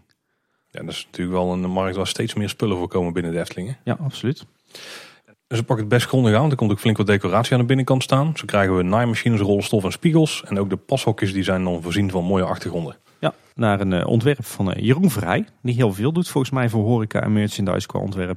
Ja, Alicianus, Kruidenkal is ook van Jeroen natuurlijk. Eh, er zijn ook mogelijkheden tot sminken. Dus dat gaan ze ook nog doen. hey, dat vind ik, vind ik een leuke, leuke bijkomstigheid. Ja, speciaal voor jou. Ja, nou niet baard mij, een beetje. Ja. En ze gaan ook wat aan duurzaamheid doen. Want er komt eh, extra dakisolatie. Een nieuwe klimaatbeheersing. Die was er volgens mij helemaal niet nu.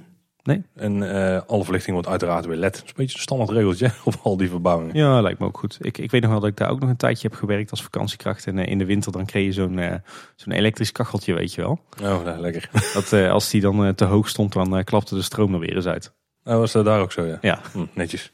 En 10 november gaat het dicht. En dan op 14 december, dus een goede maand later, gaat hij weer open. En er was wat eh, paniek eh, onder eh, de Efteling-fans, dan met name de verzamelaars van waar gaan we nu, waar moeten we nu naartoe voor de pins? Maar er kwam een reactie van de webcare en die zei de verkoop van pins verhuist naar de Max-Kramer. Eh, de Efteling die waaide hier een blog aan en die meldde daar zelf een interessant weetje bij. Wisten wij natuurlijk al lang, Tim. De oude overkapping die daar wordt gebruikt, is eigenlijk het dak van de Lutiek. Dat Ja. is de oude overkapping van de Jeepmolen. Die hebben we ook een keer gedeeld in een filmpje. De Jeepmolen was een van de originele attracties van de Efteling uit 1951. En die is in 1990 omgebouwd naar de Lutiek. En eh, de Jeepmolen is toen verhuisd naar het Anton Pieckplein bij de Game Gallery. Maar die verdween ook toen de, de Smulpaap kwam in 2003. De nieuwe Smulpaap dus. Ja. De- Ja, en eigenlijk is een beetje zeg maar de, de, met name de, de staalconstructie, dus de, de kolommetjes, de vloer en het, eh, de dakconstructie eh, dateerde nog van die jeepmolen uit de 51. En die blijft ook gewoon staan. Met een Ja. Eindelijk een beetje een waardige eh, aankleding aan de binnenkant. hè. Heel, eh, heel leuk en veelbelovend nieuws. Nou, de Winter Efteling die wordt op dit moment opgebouwd. Dat kun je aan alle kanten wel zien in het park. Want de pakketjes zijn alweer verschenen. En de kerstbomen en de spuiten sneeuw. Nou ja, ik, eh, ik, ik was heel driftig bezig met een lijstje maken met wat er allemaal in, in het park te zien was voor deze nieuwsaflevering. Maar ik ben op een gegeven moment maar gestopt omdat volgens mij zo'n beetje twee derde of drie kwart van de, de winteraankleding inmiddels al staat. Ja, dat idee heb ik ook wel, ja. Er, eh, er zijn, eh, volgens mij zijn er bijna alle beeldjes al vervangen. En er is al met sneeuw gespoten. Ik zag nu ook al dat er ook al dennenbomen stonden met de lichtjes erin. Eh, er staan al podia. Ja, het, het, bijna het hele arsenaal aan winteraankleding is al gewoon in het park verschenen. ja. Over een dikke week begint de Winter Efteling. Maar het is nu al gewoon bijna zo goed als klaar. Ja. Ik geef wel grappige beelden. hè. We kregen wel foto's van mensen door van... Hm, toch wel apart de herfst-winter of zo. Of wat is het? Want je hebt dan Inderdaad. het gekleurde blad aan de bomen en dan nep sneeuw op de daken. Ja.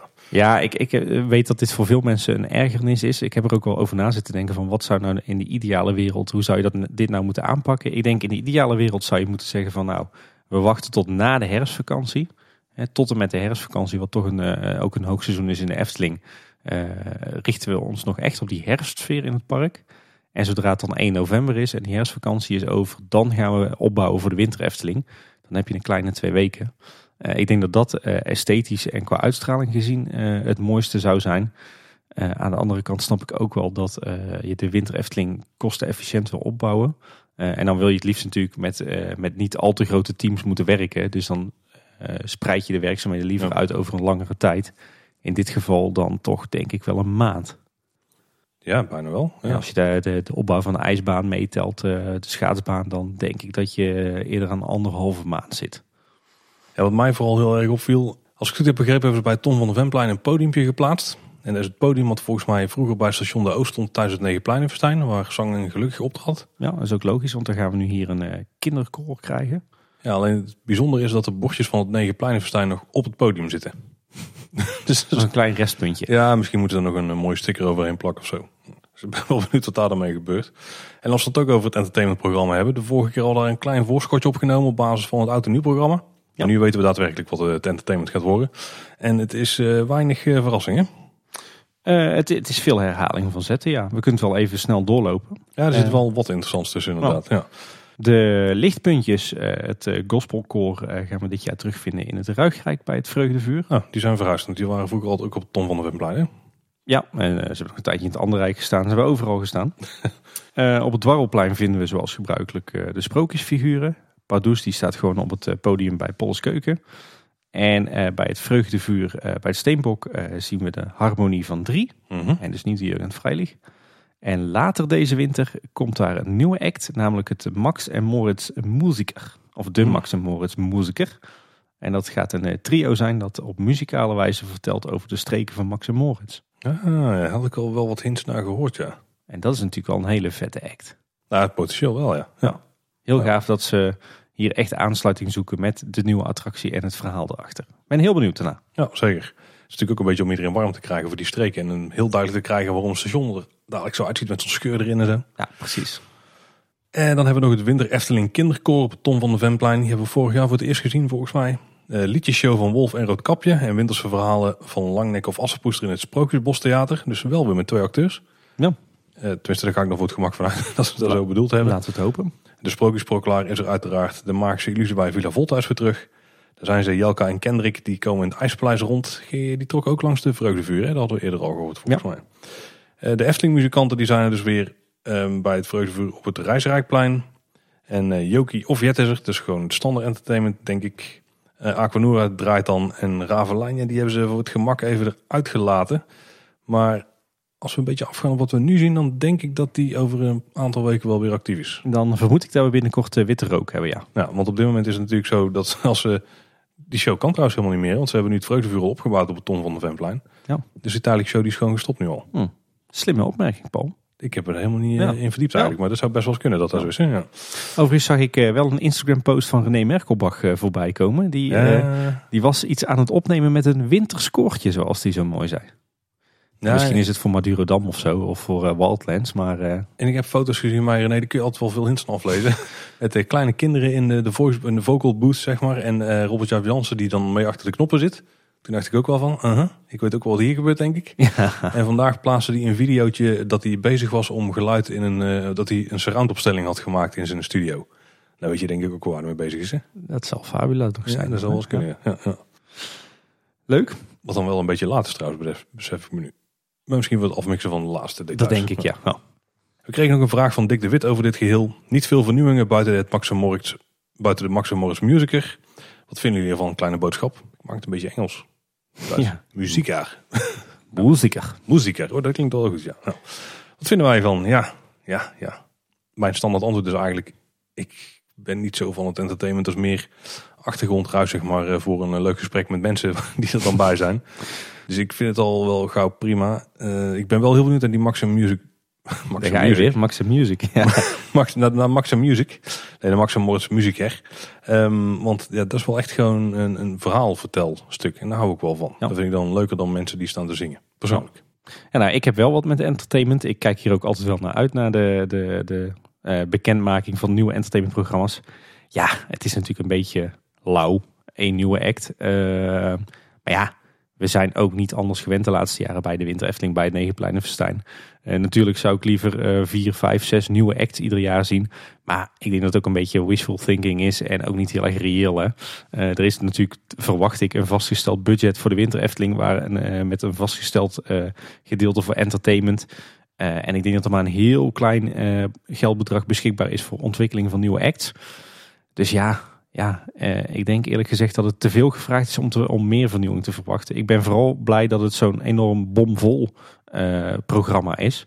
Want naast alle gebruikelijke acts die we in de zomer ook zien, eh, zie je volgens mij toch in alle rijken eh, bij eh, de vreugdevuren een speciale winteract. Eh, denk aan de lichtpuntjes, de harmonie van drie, het, het kinder, Winter Efteling kinderkoor, Jouka en Kendrick, de, de Efteling muzikanten. Ja, voor mij is er volgens mij meer dan voldoende entertainment eh, in de Winter Efteling te vinden. Ja, het is wel de vraag natuurlijk, hoeveel krijgen we het? Krijgen we het ook op doordeweekse dagen, zal de vakanties wel zijn, maar normaal doordeweekse weken niet. Nou ja, als ze een beetje het beleid doorzetten van de afgelopen tijd. Nou, dat, Ik kan me voorstellen dat ze bijvoorbeeld Jouka en Kendrick wel iedere dag laten Ja, rondrijden. ja. En inderdaad die muziekgroepjes met name in de weekenden en de vakanties. Maar ik ben niet ontevreden als ik dit, eh, dit zie eerlijk gezegd. En de praktijk is ook vaak dat je op een dag toch maar tijd hebt om twee of drie entertainment acts te zien. Dus tegen de tijd dat dan het winterseizoen voorbij is, heb je ze allemaal één keer gezien. Als we een beetje kijken naar de Efteling de laatste jaren eigenlijk, en we kijken naar de seizoenen, krijgen we toch steeds meer seizoensgebonden snacks, hè? Ja, inderdaad. Waar, eh, waar entertainment dan misschien een beetje achterblijft, eh is horeca en dan met name de signature snacks. Hey, hij ging in één keer deze keer. Eh, zijn echt wel een aandachtspunt. Hè? Daar doen ze echt heel veel mee. Ja, en als, je hebt trouwens wel goede fotografen in dienst om dat allemaal in beeld te brengen. Want als ik het blogbericht lees, want Efteling heeft een uitgebreid bericht geplaatst waarin alle items staan, dan eh, loopt het water wel direct in de mond hoor. Bij mij ook. Hij kwam eh, gisteren online en ik dacht, oh, hier gaan we het weer over hebben bij Kleine Boodschap. Ja, Dan zeker. kreeg ik spontaan weer honger. Overigens, klein detail. De blogtitel is nieuwe zoete Winter Efteling specials. Dus we gaan volgens Oh. mij nog een, eh, een apart blogbericht krijgen met eh, alle hartige Winter Efteling specials. Daar kon ik me herinneren dat we dat vorig jaar ook hadden. Ja. Er zijn een aantal, en ze zeggen wel nieuwe, maar volgens mij zijn er een aantal eh, oude klassiekers. Maar we hebben in ieder geval een koek op een stokje. En dan kies je bij, dan, dan heb je een koekje, dan kies je zelf de chocodip. En dan kun je er nog wat toppings op krijgen. Dat is altijd dip en toppings, dat is een beetje wel het nieuwe toverwoord bij heel Ja. veel van die, van die snacks. Het is een stervormig koekje zeg maar, op een stokje met eh, materiaal erop.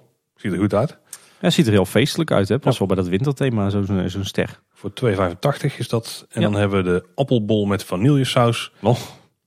Klinkt wel goed hè? Ja. Maar er is daar ook nog een betere appelvariant. eh, Tim, ook voor 2,85. Oh, Overigens, eh, die, eh, die stervormige koekjes ga je vinden bij de Horen des Overvloeds eh, en bij de vreugdevoeren in Ruigrijk en Rijsrijk. En die appelbol met vanillesaus, die bij mij nu al volgens mij favoriet is, eh, die ga je krijgen bij eh, restaurant Panorama en eh, bij de eerste klas wachtruimte in station De Oost.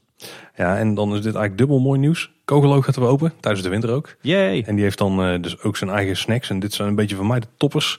Daar heb je, ze noemen het fruitig tussendoortje met een zoete twist. Dus gewoon fruit op een stokje met weer een chocoladedip eroverheen. En ook ja, wat meer extra chocola nog. Eh, maar de topper daarbij is wel hetgene wat geen fruit is. Want volgens mij zitten daar ook marshmallows bij. Die dan ondergedommeld zijn in chocolade. Weet je wat ik dacht toen ik dit las? Dat weet ik niet. Fantasialand. Hebben ze dat ook, ja? Ja, in Fantasieland kun je op iedere, iedere straathoek zit een stand waar, eh, waar ze eh, fruit proberen te verkopen eh, wat in chocola is, ge- is gedoopt. Ja, maar het gaat me juist om die marshmallows. Hè. De fruit is al verder wel. Dat heb ik thuis ook. Oh nee, dat moet je echt doen. Ja? Echt eh, le- zo'n lekkere, lekkere prikker met vier aardbeidjes eraan en dan gedoopt in de witte chocolade. Oh, Voor 6 euro of zo. en maakt niet uit. Dan kunnen we nog zeggen dat je gezond bezig bent ook. Nou, hier zijn ze in ieder geval 2,50. Dus dat is best prima. Ja, overigens ook heel goed nieuws dat Kogelo ook weer gewoon open is. Want ik had eerlijk gezegd verwacht dat die dicht zou blijven in de winter. Nou, Heel tof. het prima nieuws. Hopelijk ook eh, koffietje erbij, warm chocomel. Nou, was wel hè. Dit wordt wel een eh, toppertje. En dan komen ze nou aanzetten met de wafel op een stok. Maar die heb ik vorig jaar ook langs zien komen. Dus die is niet nieuw. Dus die skippen we ook gewoon uit demonstratie. Of eh, demonstratief. En dan hebben we, dit is dan misschien wel de topper uiteindelijk voor jou Tim. De warme wafels met appelkompot. En die kun je in de suikerbar kopen. En dan krijg je een wafel met erop appelkompot, eh, een bolletje ijs en slagroom. En die kost dan 5,10 euro. En eh, deze is al getest vandaag, ook door Jafet. Waar we de voice clip van hadden gekregen. Ja, die is dus al verkrijgbaar, ondanks ja. het feit dat het nog geen winterefteling is. En die vond het echt een prima, nou volgens mij omschreven het zelfs als goddelijk. Ja. Dus goede review hè. Ik heb hem vorig jaar een keertje, een keertje gegeten. Ik vond hem aardig, maar ik moet zeggen dat ik nog steeds de, de appelbol met warme vanillesaus eh nog op één heb staan voorlopig. Nou, weet je, vorig jaar toen had je wat commentaar op een signature snack in de Winter Efteling. En ze hebben naar jou geluisterd Tim. Oh. Ja, we hebben namelijk dit jaar verse stroopwafels. Vorig jaar hadden we zo'n dip-achtig ding met wat eh, toppings erop en zo. En die was niet vers, dat was gewoon uit een pakje hoor, die Ja, ja, ja, was. ja, klopt ja. Verse stroopwafels hè, Mm. dat moet goed gaan. Steenbokplein en Tom van de Ventplein. Ja, nou, de lichtgevende suikerspin is ook niet nieuw, dus ook die skippen we demonstratief. En de shortcakes en donuts zijn volgens mij ook niet echt nieuw. Ik ga ervan uit dat dit gewoon de standaard donuts zijn. Maar Maar, wat lees ik hier? Tijdens de winter Efteling kun je bij het diorama lekker zitten met een warm wintersdrankje en een aantal lekkernijen. Oh, wacht even. Bij het diorama? Dat, dat is wel nieuw. Hé, hey, wat is dit? Hmm. Gaan we, Gaat de bar er open? gaan we verkoop krijgen in het diorama? Dat zou wel heel vet zijn. Overigens eh, ga je daar eh, kaas- en worstbroodjes kunnen krijgen. eh, appelflappen, donuts en shortcakes. Dus een flink aanbod ook nog eens. Ja, die afvallen donuts en shortcakes is natuurlijk standaard aanbod bij. Ook bijvoorbeeld jouw favoriete koffiecornertje. Kleine klaroen. Oh ja, ook trouwens daar. Of Witte Paard, ik of, niet. Nee, ik dacht in station Oost. Oh ja, ja. Dan- Ik eh, Anyway. drink overal met plezier koffie met eh toebehoren. Als ik ook denk aan de winter Efteling en een beetje die winterse sferen. De, Hol- de oud-Hollandse gebakkraam valt er voor mij ook wel een beetje onder. Het is wel een beetje jammer dat die de laatste jaren er heel slecht bij stond. Ja. Maar er is ook een vergunningsaanvraag ingediend om die te gaan vervangen. Ja, inderdaad. Die eh, zagen we van de week ook voorbij komen in de Duincourier. Eh is nog niets van bekend. Ehm, maar wel dus dat dit nu concreet wordt. En de vraag die door velen werd gesteld van ja, wat kunnen we hier nu verwachten? Wordt, die, wordt de, huidige kraam opgeknapt? Krijgen we een nieuwerwetse kraam met eh, oude uitstraling? Of een nieuwerwetse kraam met nieuwerwetse uitstraling? Of wordt hier misschien zelfs wel een heel nieuw verkooppuntje annex restaurant gebouwd? Ik vraag me vooral af, heb je een vergunning nodig als je een kraam weghaalt en een andere kraam weer terugzet? Dat vroeg ik me eigenlijk ook af. Maar waarschijnlijk heeft het iets te maken met brandveiligheid. Mhm. Want eh, verkoopkramen waar wordt gewerkt met frietvet en met gas en gasflessen eh, zijn toch wel een dingetje de laatste tijd. Eh, laatst is het op de Tilburgse kermis ook eh, behoorlijk misgegaan met, Mhm. met zo'n kar. Dus ik denk dat die een vergunningsplichtig is uit het oogpunt van brandveiligheid. Oké. Maar ik, ik verwacht eerlijk gezegd, dat zou ik doen als ik de Efteling was, dat ze gewoon een nieuwerwetse gebakkraam kopen en die dan wel ouderwets aankleden. Zou het niet gunstig zijn ervoor dat er een beetje bij wat jou betreft dat die eh, wat lager is qua balie? Dat die mensen iets lager bij de grond staan. Ja, zou wel praktisch zijn, maar ik, ik ken ook best wel wat nieuwerwetse gebakkramen en die zijn eigenlijk altijd wel zo hoog. Ja, dat is ook makkelijk met transport, want toen moet ook banden onder Ja. kunnen en zo. Maar Ja, wie weet. Of misschien maken ze er gewoon eh, met, met wat vlonderplank eh, wat trapjes voor. Zou ook nog kunnen. Hè? ja, of gewoon een wat, wat tijdelijkere variant. Een beetje op dezelfde manier als, eh, zo, dat is dan wat permanenter wel. Als dat ze de vrolijke noot hebben gebouwd. Ja.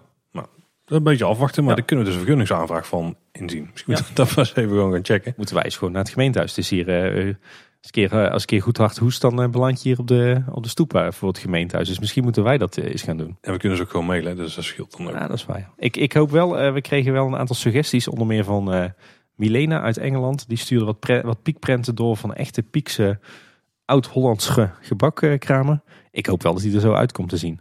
We hebben bij ons in het dorp waar ik werk, hebben we een, eh, het heel de maand december een, eh, een hele moderne gebakkraam eh, staan. Nou, dat is echt pure horror hoor, als we dat in de Efteling gaan krijgen. Dus ik hoop wel echt op iets piekeriaans. Zullen we dan eens naar het onderhoud gaan? Ja, Normaal is dat een beetje zo'n puntje wat ik aan jou overlaat, Tim. Maar dat kan ik dit keer niet over mijn hart verkrijgen. Het eerste puntje gaat namelijk over Draak Etna. Ja, want we hebben te horen gekregen... sorry Paul, ik word even emotioneel. Ja, nou. Ja, nee, nee, valt wel ja. mee. Was wel goed geacteerd.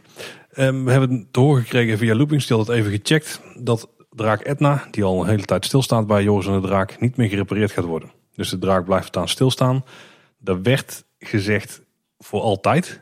Ja, Maar altijd is wel heel lang. Hè. Ik, ik denk dat we daar wel een slag om de arm moeten houden. gewit ooit nooit, zeggen wij dan Gewit ooit nooit. de Kaatsheuvel. hè? Ja, er was veel ophef onder de fans op social media. En ik moet zeggen dat ik zelf ook wel in eerste instantie dacht van... Hmm, Ik, eh, mijn eerste primaire gedachte was, eh, dit is echt schandalig. dat was denk ik ook wel mijn eerste primaire gedachte.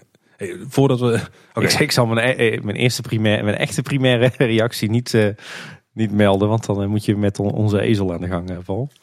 Ja, kijk, het is gewoon, als je Joris en de Draak kijkt als attractie, het is een, een achtbaan van hout en met een houten station. Ik moet zeggen dat ik dat verder niet echt een heel erg opzienbarend gebouw vind of zo. Nee, het, het enige wat die attractie nog een beetje redde, dat was gewoon de draak. En de draak is nu eigenlijk gewoon een, ja, een standbeeld geworden dus. En dat is wel echt super zonde, want als je heel veel mensen ziet die daar en die naar de Efteling gaan, die die draak zagen, die waren er super vol onder de indruk. Zeker als je dan vuur eh, spuwde. En had toen ook nog het eh, zwart geblakerde, dat is nou een stuk minder, eh, zwart geblakerde baan zelf, zeg maar. Wat dan heel erg goed daarbij paste. Ja, en nu staat daar gewoon een standbeeld. Wat dan ook als standbeeld nog een beetje vreemd uitziet. wat vrij lelijk is dan. Ja, en als die, die draak, die, want ik weet bijvoorbeeld ook niet wat ze gaan doen met het eh, slaan van die eh, staart. Want ja, het feit dat die draak met zijn staart slaat, dat doet natuurlijk niks. Maar er zit wel een effect dat de water omhoog gooit. Gaan ze dat dan wel blijven doen? Ik denk het wel. Ja, ik vermoed het wel, want volgens mij is dat het minst storingsgevoelige. Maar ja, Maar goed, de, de, de mist doet het niet, zoals alle misten in, in het Mhm. park op dit moment. mhm. Het vuureffect verdwijnt dus ook. ja waarschijnlijk wel. Ja. Want ja. daarvoor moest hij zijn eh, kop naar achteren kantelen. Ja, dan zou je technisch gezien misschien nog wel kunnen regelen dat hij altijd zo staat. Maar het ziet er wel een beetje knullig uit. Ja. Ja, het is gewoon het punt. Ik vind animatronics gewoon heel tof. En als er nu dus eentje permanent wordt uitgezet en best wel groot en best wel indrukwekkende, ja, dan is dat gewoon wel heel jammer. En da- da- daar is gewoon een beetje de onderbuikgevoel, weet je wel. Het, en het is ook gewoon, je hoopt dat de Efteling dat soort dingen niet doet. Dat die gewoon dat soort dingen blijven onderhouden tot in een treur. En dat ze zeker het, het enige wat dan echt een stuk thema toevoegt, dat ze daar de extra schepje erbovenop, zeg maar. Dus dat het een animatronic is en niet een, eh, gewoon een standbeeld. Want dan ga je toch een beetje richting Bobby Haaland met het nieuwe gebied van eh, Fury Ja. wat ze daar hebben. Of hoe heet dat, Land of Legends of zo. Daar staan Ja, ook van die standbeeldachtige dingen. Dat is niet de Efteling, weet je wel. Die, doen, die zouden een stapje meer moeten doen en dan mis je dan. En daar baal ik wel, daar baal ik wel van. Ja. Ik kan wel redenen verzinnen waarom ze het eh, wel zo doen. Maar misschien moet jij eerst even... Ja, mening nou, ik, ik heb ook da- daarna geprobeerd om een beetje de balans te vinden van eh, wat, eh, ja, hoezo? Kijk, ik, ik weet eh, dat dit ding echt een, een onding is om in werking te houden en, en iedere keer weer die storingen op te lossen. Ik geloof dat die kop even zwaar weegt als een Fiat 500. Ik geloof dat het ding door een externe partij is gebouwd. Eh, die niet zo goed weten wat ze ermee aan moeten. Ik geloof dat er al verschillende firma's naar gekeken hebben. Het, is, het is een onding. Mhm. En eh, wat ik me kan voorstellen is dat je als bedrijf jezelf afvraagt van we doen een kostenbatenanalyse. Wat kost dat onderhoud ons nou? Eh, het preventief onderhoud om hem draaiende te houden. Iedere keer die storingen oplossen. En wat levert het op? Alleen ik denk dat een denkfout die vaak die, die misschien gemaakt wordt is van joh. Hè, wat is nou de op. meer, ja, precies. Wat is nou de meerwaarde van dat, dat, dat die animatronic eh, beweegt? Weet je, maar die afweging is wel een hele lastige natuurlijk. Hè? Want wie bepaalt nou dat een bepaald effect geen meerwaarde heeft of onvoldoende meerwaarde? Dat is natuurlijk een beetje het hele punt. René Merkelbach zegt er op zich wel mooi. Volgens mij zei hij ook bij on- onze honderdste aflevering. Kijk, je kan ook gewoon een cd'tje opzetten, weet je wel. Dan heb je Ja. ook muziek. Nou ja, dat was het pon- punt wat ik wou maken. Kijk, in, in, in een park waar de lat niet zo hoog ligt, eh, in meer de pretparken, kan ik mij dit voorstellen. En daar gebeurt dit ook geregeld. Nou ja, dan wordt het misschien bij voorbaat dan niet eens een animatronic. Dan wordt het gewoon een groot beeld. Maar weet je, de, de, de, de Efteling standaard, eh, die ligt volgens mij op een heel ander niveau. Daar hopen we in ieder geval wel. Hè? Ja, en eh, de, de laatste weken, eh, maanden, eh, jaren hebben ze het volop over die 9 plus ervaringen. De Efteling wil verwachtingen overtreffen. Ja, weet je, dan hoort zo'n draak hoort gewoon te bewegen, hoort vuur te spuwen. En als hij dat al een tijd lang heeft gedaan en hij werkt niet meer, dan moet je dat gewoon fixen. En ik vind het echt een zwaktebod om dan te zeggen, we gaan hem niet meer maken. Zonder verdere toelichting. Het kan technisch lastig zijn, het kan duur zijn, maar zoek dan een andere oplossing. Eh, maar ik vind dit, nee. Ik vraag me echt af, wie, maakt, wie, wie, wie hakt nou de knoop door om te zeggen... dit is niet nodig, het, het is het geld niet waard, de bezoekers gaan het toch niet merken. Dan denk ik, dan, dan onderschat je echt je bezoekers. En dan, dan heb je ook echt een verkeerd beeld van wat Efteling kwaliteit is... en wat 9 plus kwaliteit is. Nou, ik denk het misschien niet wie is, maar meer hoe. Hoe maak je die beslissing? Want eh, dat die beweegt voegt het iets toe. Ja, nou als je het heel simpel kijkt, ja, misschien niet. Voor de achtbaan maakt het niks uit. Maar voor die beleving wel. En die beleving is natuurlijk moeilijk uit te drukken. Dat is wel een beetje over zo'n nadeel van Edna. Altijd al een nadeel geweest. Je staat er wel verstopt. Je Ja. moet eigenlijk een hoek inlopen waar je normaal gesproken niet komt. Als je in de achtbaan zelf zit, dan raas je er zo snel voorbij. Dan, dan heb je al vaak niet door. Volgens mij ook met de manier waarop je eraan komt dat hij, dat hij daar staat. Dus van, oh draak, oh ja, daar was hij. Ja, maar haal, haal hem, weet je wat? Haal hem dan gewoon helemaal weg. Ja, verplaats hem. Maar zet daar niet eh, of verplaatsen en maken... maar zet hem, laat hem daar niet staan als een soort statisch object. Ja, nee, mee eens. Ja. Kijk, en weet je wat is? Nou, overigens, als dan afweging is van haal hem compleet weg of laat hem staan, dan ben ik toch wel voor laten staan. Maar dan nog steeds, weet je wel, dan is het een beetje een pijnlijke herinnering. Nou, vind ik niet. Dan vind ik, je doet het of goed of je doet het niet. ja, maar dan doe je gewoon helemaal niks. Dan Ja. heb ik misschien nog liever Ja. dat ze iets doen. Nou, eigenlijk het achterliggende verhaal vind ik, vind ik nog zelfs wat zorgwekkender. En dat sluit hier wel op aan. Want dit is eigenlijk niet het enige waar we dit de laatste tijd merken. Hè? Kijk bijvoorbeeld naar de, naar de schatkamer in de, de Fata Morgana. De ruimte waar Jin staat. Het is natuurlijk al redelijk lang eh, het geval dat die ruimte niet meer op en neer beweegt. En Jin dus zelf ook niet. Ja. Eh, er zijn inmiddels twee onderhoudsbeurten sindsdien verstreken, waarvan één grote onderhoudbeurt, waarbij de attractie twee, drie maanden gesloten was, is bewust niks mee gebeurd. Onbekend is wanneer daar wel iets mee gebeurt. Eh, en we kregen toen tussen neus en lippen door ook wel te horen van ja, het is niet, niet belangrijk genoeg om te maken, want het kost te veel geld en te veel moeite. Kijk naar de mistmachines die het niet doen in Droomvlucht, uh, in Fata Morgana en op een aantal andere plekken. Ja, het is een complexe storing en het heeft onvoldoende prioriteit, wordt er door de Efteling gezegd. kijk naar het, het, de, de huisjes bij het Kabouterdorp. Ja, die staan nu al bijna twee jaar in de hekken omdat ze instabiel zijn. Wordt van gezegd, ja, het blijft voorlopig een kijksprookje. Wat ik op zichzelf wel het mooiste understatement van het jaar vind. ja. Een paar van die huisjes laten verpieteren in het bos en dan zeggen het is een kijksprookje. maar kijk bijvoorbeeld naar de, de hoofdshow van Villa Volta. die programmering is nog steeds niet zoals die in de beginjaren altijd is geweest. Kijk naar Vogelrok. Hoe lang, duurt, hoe lang is het al niet zo dat de nek en het hoofd van Vogelrok niet beweegt? Kijk naar verschillende vogels in de rit. Um, en dat zijn allemaal van die effecten, van die storingen. Dat ik denk van ja, ergens snap ik dat de Efteling zegt van ja, vinden we niet spannend genoeg. Maar aan de andere kant, kijk nou eens naar wat de invloed is op de beleving. Ik bedoel, het, het Sompenwoud met mist is voor mij gewoon een 9. Het Sompenwoud zonder mist is maar een mager zeventje, een zesje misschien qua ervaring. Nou ja, scheelt er zoveel weer dan? Ja, vind ik in het Sompenwoud wel. Ik vind de voorbeelden bij de Dark Rides, vind ik dat het, eh, als je kijkt naar de, de draak en die beweegt niet, dan is dan meer dan de helft van de ervaring van het geheel dus weg.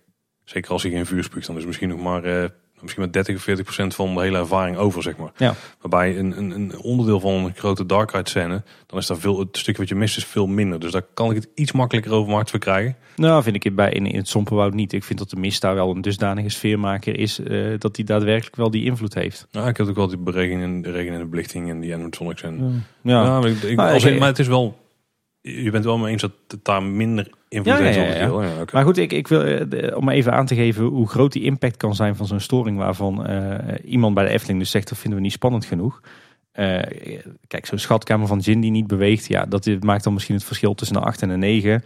maar ook weer zo'n zo'n kantelkamer in de Fata Morgana waar geen mist hangt. Ja, zonder mist is dat gewoon een mager vijfje. Met mist is dat een, een 8 of een 9 ervaring, weet je wel. ja, en dan denk ik bij mezelf, Waarom jongens? je hebt het over die 9 plus ervaring, doe hier wat aan. Het enige wat ik me kan voorstellen is dat je zegt van nou, uh, het geld is even op. de Efteling heeft natuurlijk een vastgesteld onderhoudsbudget. De Efteling wil natuurlijk een gezonde financiële situatie. Dus dan is het ook logisch dat ze zich aan budget moeten houden.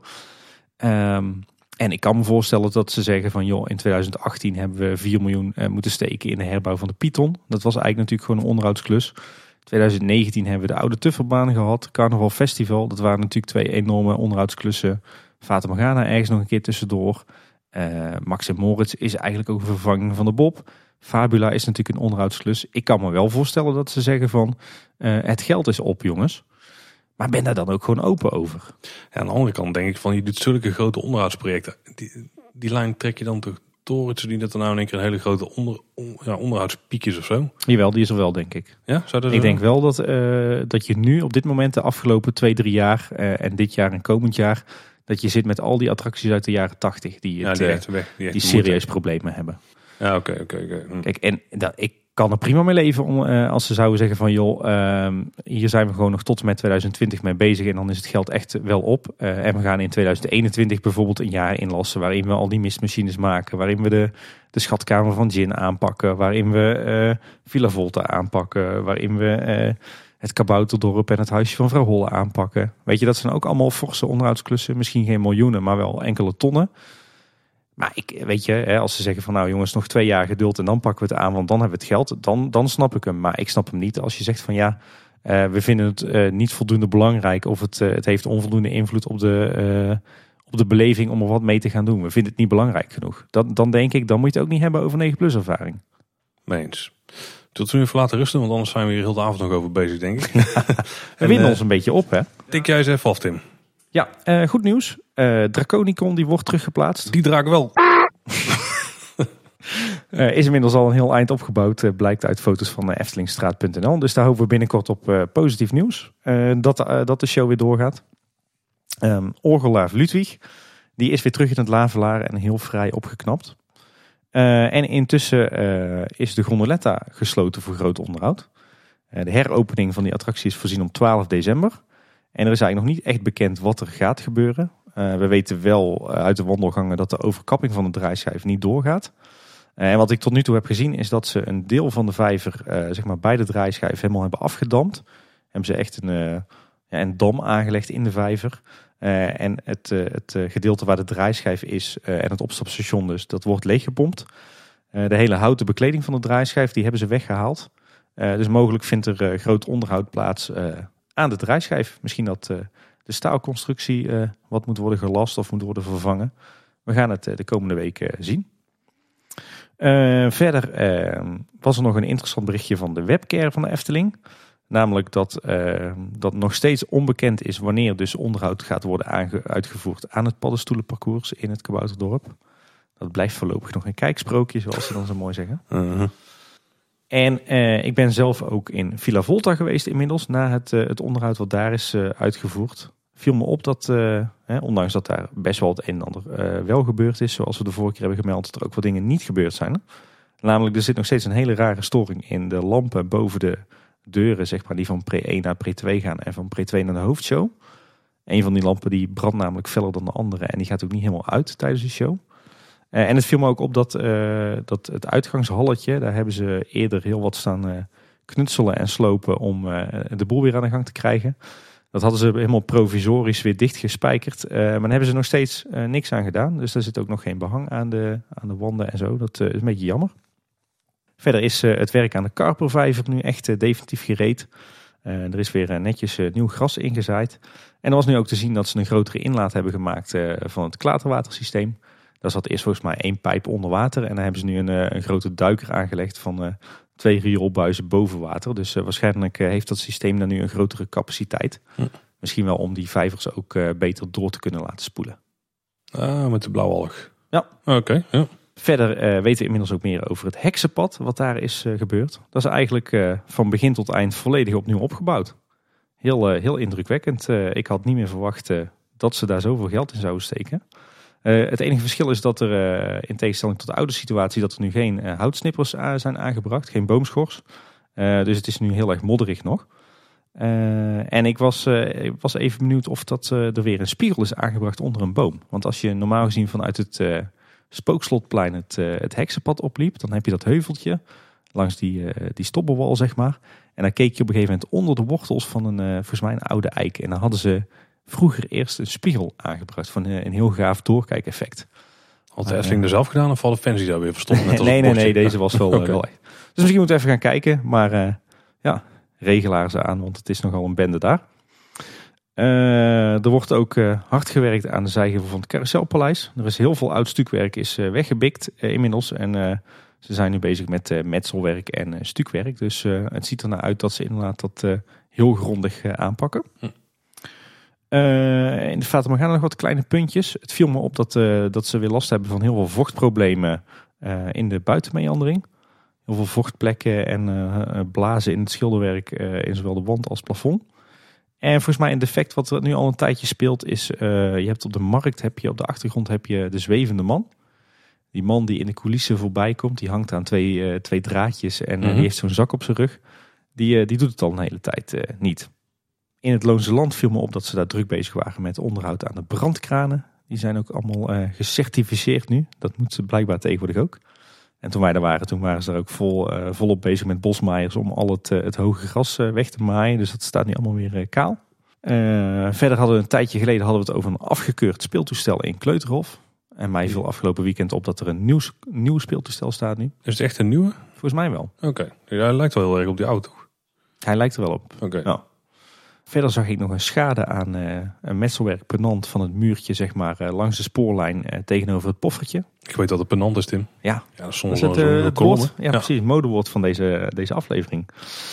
Ehm, nog wat symbolica puntjes. We kregen van een aantal luisteraars de melding dat er schijnbaar nieuwe felwitte belichting zou zijn in de gang richting Botanicum. Ja, dat was misschien toch weer twijfelachtig. Dat was misschien mogelijk al een tijdje. Dat is niet helemaal duidelijk. Maar was in ieder geval opgevallen dat het, het boek weg is. Het bladerende boek.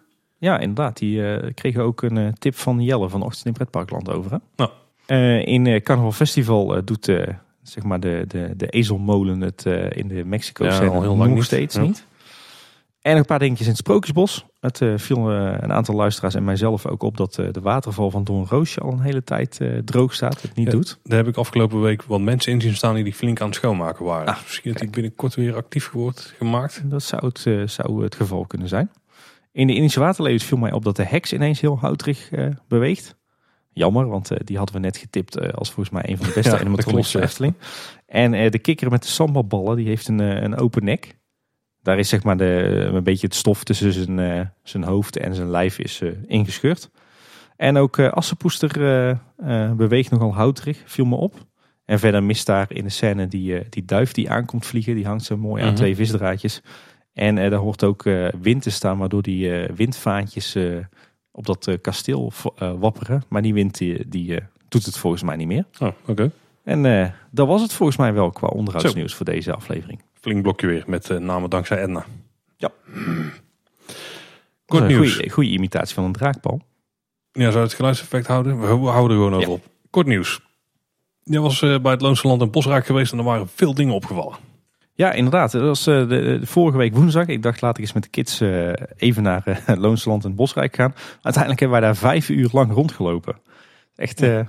toch, toch mooi om te zien hoe dat je je daar kunt vermaken met al die verschillende speeltuintjes en, en andere activiteiten. De kinderboerderij en natuurlijk even lunchen en een binnenspeelhoek. Dat, dat gaat daar echt heel, heel fijn. Uh, en het viel mij daar met name op dat daar in de horeca wat aanpassingen zijn. In het eethuis in Bosrijk uh, vind je nu eigenlijk naast de receptie een heel groot naambord wat verwijst naar het eethuis. En voortaan moet je ook echt wachten uh, bij de ingang, zeg maar, totdat je een plaats toegewezen krijgt. En het viel me ook op dat alle tafels al gedekt stonden, heel chic. Dus ik heb het idee dat ze de horeca daar echt tot een, een hoger plan willen tillen. Oké. En we hebben zelf geluncht in de proeftuin in het Loonse Land daar weinig veranderingen. Al uh, zijn er wel wat, uh, wat subtiele wijzigingen toege, uh, zeg maar toegevoegd aan de lunchkaart in ieder geval. Mm -hmm. het viel me op dat ze daar de kroketten met brood en de uitsmijter hebben toegevoegd. Echt van die typische Nederlandse standaard lunchgerechten. Oh. Ik heb zelf maar meteen de uitsmijter geproefd en nou, die is bijzonder, bijzonder smakelijk. Ja, wat inmiddels is gearriveerd is weer een nieuw biertje in de wereld van Efteling. In dit geval de winterversie van het biertje Hotel de Bottle. Eh, in de gelachkamer kun je die dus testen. En de zomerversie die is gewoon echt compleet op. Nou was ons plan, die gaan we eentje halen. Dan wachten we op het winterbiertje en dan maken we weer een special samen met Boukje over die biertjes. Maar dat lukt dus nu niet meer, want we hebben dat biertje niet ingeslagen van tevoren. Nee, en we hebben ook even geprobeerd in overleg met de Efteling of er op een manier dan uh, uh, of we een soort van proefsessie konden organiseren met het zomer- en het winterbier. Maar dat blijkt echt niet mogelijk, want er is geen flesje meer over. Nee, dan hadden ze gewoon echt heel het brouwproces voor moeten aanslingeren. En tegen die tijd dat het bier klaar is, ja. richting de zomer, denk ik. Dus, dus, dus tenzij dat er nog een luisteraar is die, uh, die twee flesjes bier uh, van de zomerversie van Hotel de Bottle heeft staan. En dat hij zegt van nou, die kan ik wel missen. als dat niet het geval is, dan, dan moeten we in ieder geval wachten tot voorjaar 2020 voordat we een, uh, een bonusaflevering gaan uitbrengen over uh, de nieuwe hotelbiertjes. Oké, nog een tip van luisteraar Arthur. Caro is genomineerd voor de Family Traveler Excellence Awards 2019. Bam, steek die maar in de zak. Precies, we zullen het linkje waar je erop kan stemmen even in de show notes zetten. En we hebben nog een hoop merchandise nieuws. Want de Efteling heeft weer uh, even alle registers opengetrokken, denk ik. Hè, om weer nieuwe dingen in de schappen te leggen. Heel veel uh, merchandise nieuws. Ja, in ieder geval om te beginnen. Als je dan merchandise koopt en die moet je vervoeren, dat kan tegenwoordig in een papieren tas. Die is voortaan standaard in plaats van de plastic tas. Ja. Goede ontwikkelingen. Beschikbaar in verschillende formaten, zag ik. Ja, en bij regenweer wordt dan blijkbaar wel een plastic tas aangeboden. Moet misschien in de toekomst nog iets, uh, nog iets beter. Maar de papieren tassen zijn van gerecycled papier. En al het geld dat wordt verdiend met plastic tassen, die wordt dan geschonken aan een goed doel. Ja. Goeie, goede zaak. Nou, voor de blond collectors onder ons, er is weer een nieuwe blond spaarpot van Hans en Grietje. Kost 15 euro. De vorige keer noemden we de Jokie Winterbal. Die was uh, enorm populair. Die was echt super snel uitverkocht. En uh, daar waren heel veel mensen niet zo blij mee. Want die was dus zo populair dat heel veel mensen nog niet in de collectie hadden. Uh, er zou in eerste instantie ja, was het gewoon op en op. Maar er blijkt dat ze toch weer een nieuwe lading hebben besteld. En die zou ergens in december in de winkel moeten verschijnen. Dus die oplage hebben ze ook veel groter gemaakt dan dat die voorheen was. Dus er zijn nu meer ballen beschikbaar voor iedereen. Ballen voor iedereen, Tim. Dat is mooi. Hè? Mooi. En we hebben nog meer uitverkocht nieuws. Het sprookjesboek En ze leven nog lang en gelukkig, die we al een paar keer hebben aangehaald, die is ook weg. We kregen erover nog een berichtje van Carlo van Schijndel. Nu is dit sprookjesboek ook alweer snel uitverkocht. Net als Jokies Winterballen. Dat duurde één week. De Bob in duurde een half uur. Worden Efteling souvenirs steeds populairder? Worden ze veel gehyped? Of worden gewoon veel te weinig ingekocht? Ik ben benieuwd naar jullie mening. Ik denk een beetje de laatste eigenlijk. Ik, Ja. ik denk dat de kwaliteit van sommige souvenirs wel eh, op het niveau ligt zoals we graag zien. Zeker het Sprookjesboek is gewoon echt een heel mooi souvenir. Ja, dus ik kan me voorstellen dat die snel eh, van de plank afvliegt. Omdat heel veel liefhebbers die ook gewoon willen hebben. En heel veel abonnementhouders. Ja, van die ballen, ja, ik denk dat het wel lastig is om in te schatten hoe populair die zijn. Ja, ik denk dat de Efteling daar gewoon de populariteit flink onderschat. Ik denk inderdaad dat Efteling in, in de basis de, de populariteit van de eigen souvenirs onderschat. Ja, op zich is dat niet erg. En ze doen het misschien ook wel bewust. Liever eh, doe je een oplage waar je weet dat je de winst op maakt. En dat je ze gewoon allemaal verkoopt. Dan dat je een oplage maakt waarvan het een beetje twijfelachtig is van ja, gaan we hier ooit ervan afkomen. En ik denk dat ze zich ook al wel een keer hebben misgegrepen op bijvoorbeeld die producepoppen die bij de lancering Ja. van Symbolica in de winkels waren gelegd. Want die waren echt schandalig lelijk. Die hangen er gewoon nog steeds. Die zijn wel een stuk goedkoper dan de mooie producepoppen Ja. trouwens. Maar dus dat soort dingen heb je dan ook wel, weet je wel. Of heb je gewoon een misser, ja, en daar blijf je nou gewoon mee zitten. En daar word je niet vrolijk van. En die gingen dan naar de Lutique, hè? Ja, inderdaad. maar ik, denk, ik denk in de basis dat vooral die, zeg maar, die, die echte fansouvenirs, eh dus waarin echt een ode wordt gebracht aan de Efteling en de dingen die wij als fans zo mooi vinden, dat ze daar nog wel eens de populariteit van willen onderschatten. Ja, last minute nog een aantal nieuwtjes. Zo eh, kwam, verscheen er een, eh, een artikel op de Efteling blog over eigenlijk nieuwe, nieuwe souvenirs, nieuwe Efteling souvenirs. En, een aantal zijn weer heel leuk om langs te lopen. Zo is er nu een eh, nieuwe prinsessenjurk Elisa. Eh, natuurlijk de prinsessen uit het, eh, het nieuwe sprookje De Zes Zwanen. Met kleine astertjes erop. Die kan je eh, kopen in de Marskramer voor 25 euro. En daar kan je ook een bijpassend diadeem en een zwanentasje bij kopen. Dan ben je overigens wel echt een rip uit je lijf kwijt. Je kunt nu ook Efteling sokken kopen. Twee paar voor 7,50. Ook weer in de Marskramer en in de Efteldingen. Zowel in kindermaten als in volwassen maten. Oké. Dus eh, Ik moet blijkbaar eh, interessante sokken gaan sparen van mijn vrouw en kinderen. Maar ik eh, geloof er nog niet aan. Oké. Nou, ik, ik zou ze wel willen hebben, maar ik loop eigenlijk altijd op kistjes, dus Zie je er niks van. niemand ziet er toch iets van. Wat ik zelf een hele leuke vond van de blog is dat, ze, dat er nu acht verschillende knutselpakketten met een Efteling thema zijn gemaakt. Ehm, en waar moet je dan, dan onder andere aan denken? Je kunt draak of sprookjesboom maken met waterpixel beads. Oké. Whatever that might Hm. be. Eh, je kunt je eigen paleis der fantasie knutselen. Een eigen ravelijnschild maken. eh, vier eh ravelijnmaskers kleuren. Je kunt droomvluchtvleugels maken van karton. Of een mobiel van vliegende elfjes. En er is ook nog iets van een scratchposter van Symbolica. Je kunt een, een hanger knutselen van Joris en de Draak. Kortom, Er is veel. Kunt- het is wel tof. Ja, het is eh, heel vet dit. Ik vind het echt heel gaaf ja zeker. Ja. kunnen gaan vreubelen. Eh, en verder is er nog een, eh, nieuwe sprookjesachtige Pardoespen voor 5 euro. Wauw. Die ik er overigens echt verschrikkelijk lelijk uit vind dat zien. is echt een lelijk ding. En er is ook in, die- in die gouden boekjes serie nu ook een nieuw prentenboek van de zes dienaren. Ja. Die proberen ze toch een beetje te pimpen. Hè? Want ze hebben ook eh, het showtje in, bij de Sprookjesboomshow. Waarbij ze iedereen een beetje belachelijk maken in het publiek. Omdat ze het verhaal van Langnek niet kennen. Of van de zes dienaren dus. Mhm. Langnek is dan de ene die ze wel kennen. En dat mensen die ook Lange Jan noemen. Daar nemen ze dan ook een beetje een loopje mee en zo. Dus ze proberen die toch weer een beetje in de picture te spelen. En, eh, en geheel terecht, want dat is een heel interessant sprookje met Ja. leuke karakters. En verder kun je ook nog een soort van eh, poef of zitzak in de vorm van een paddenstoel eh, kopen. Vanaf eind november voor 35 euro te koop. Ziet er heel leuk uit. En eh, wat ik verder nog voorbij zag komen, even los van wat we op deze blogpost kunnen lezen, is eh, dat er ook nu speciaal Efteling cadeaupapier is. En eh, terwijl we dit allemaal zitten vertellen, we kregen nog een berichtje van Maxime de Donder. Die heeft wat polls op Twitter geplaatst. Eentje van was zeker een interessante stelling. Er moeten meer attractiegerelateerde souvenirs komen. Zoals ooit met, met Vogelrok, de Vliegende Hollander, et cetera. En minder campagne dingen, I Love Efteling en dergelijke. En daar is eh, dus ook niet zo heel vreemd, want ik denk dat in zijn kringen vooral heel veel fans zitten. Ja. Maar 87% is het daarmee eens, 7% mee oneens. Eh, en die heeft al eh, dik 60 stemmen. Dus Ja, en ik zag ook een post van dezelfde Maxime, volgens mij. Die, die had ook wat minder Eftelingse nieuwe souvenirs gespot. Volgens mij in de Marskramer. Een beetje kitscherig. En daar vond hij maar niks. En Nou ja, dat snap ik ook wel. Het is natuurlijk ook jammer als je zoveel leuke eigen Efteling souvenirs hebt. Dat je dan Ja. ook dat soort meuk tussendoor post. En nog een leuk klein laatste merchandise nieuwtje. Ik zag nu ook dat ze bij uh, de oude Marskramer dat ze daar wat extra uitlag hadden geplaatst over het feit dat daar buiten een brievenbus uh, staat. Uh, die daadwerkelijk ook wordt geleegd. Hm. Weliswaar niet door PostNL, dus dat duurt een paar dagen langer voordat die brief wordt bezorgd. Maar dat promoten ze nu ook in die winkel, dus hartstikke tof. Kijk, op YouTube staat weer een nieuwe Efteling Droomklus, nummer 5 in dit geval. En daarin werd de, de eindelijk voorgesteld. Dat was het DTP, hè? Dragentanden poetser. Poetser was het. Oh, dat is de trekker. En er werden koekjes gebakken met rood kapje.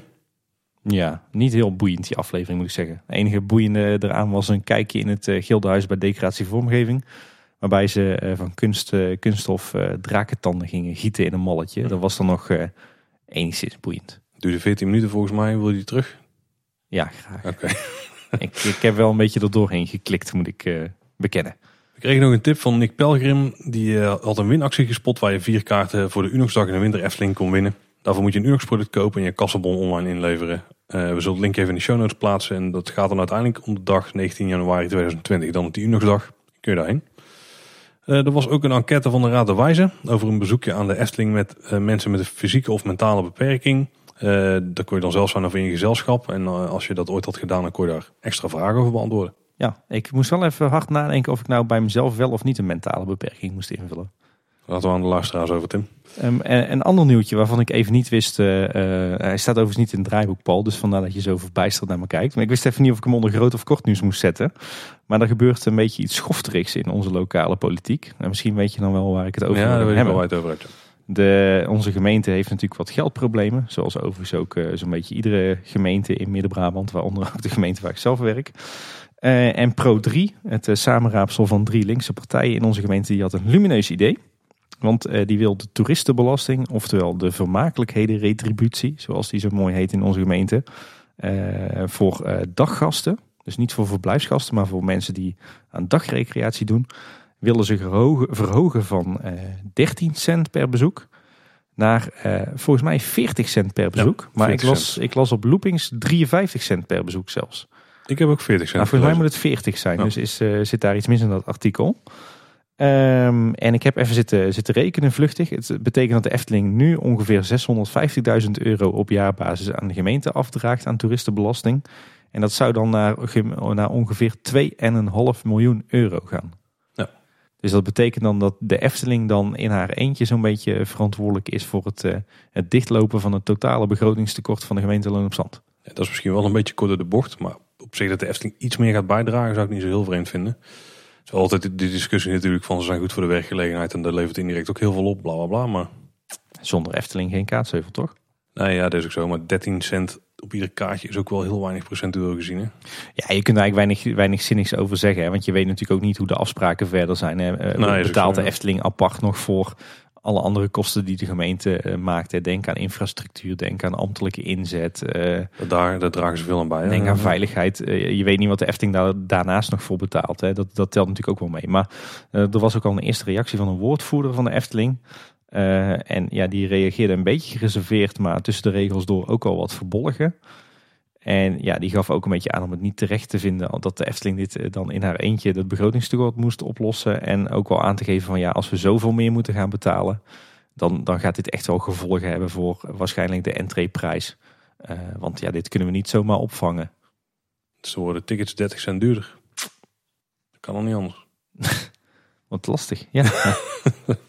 nou ja, in ieder geval, uh, ik denk wel heel kort tot de bocht van Pro 3.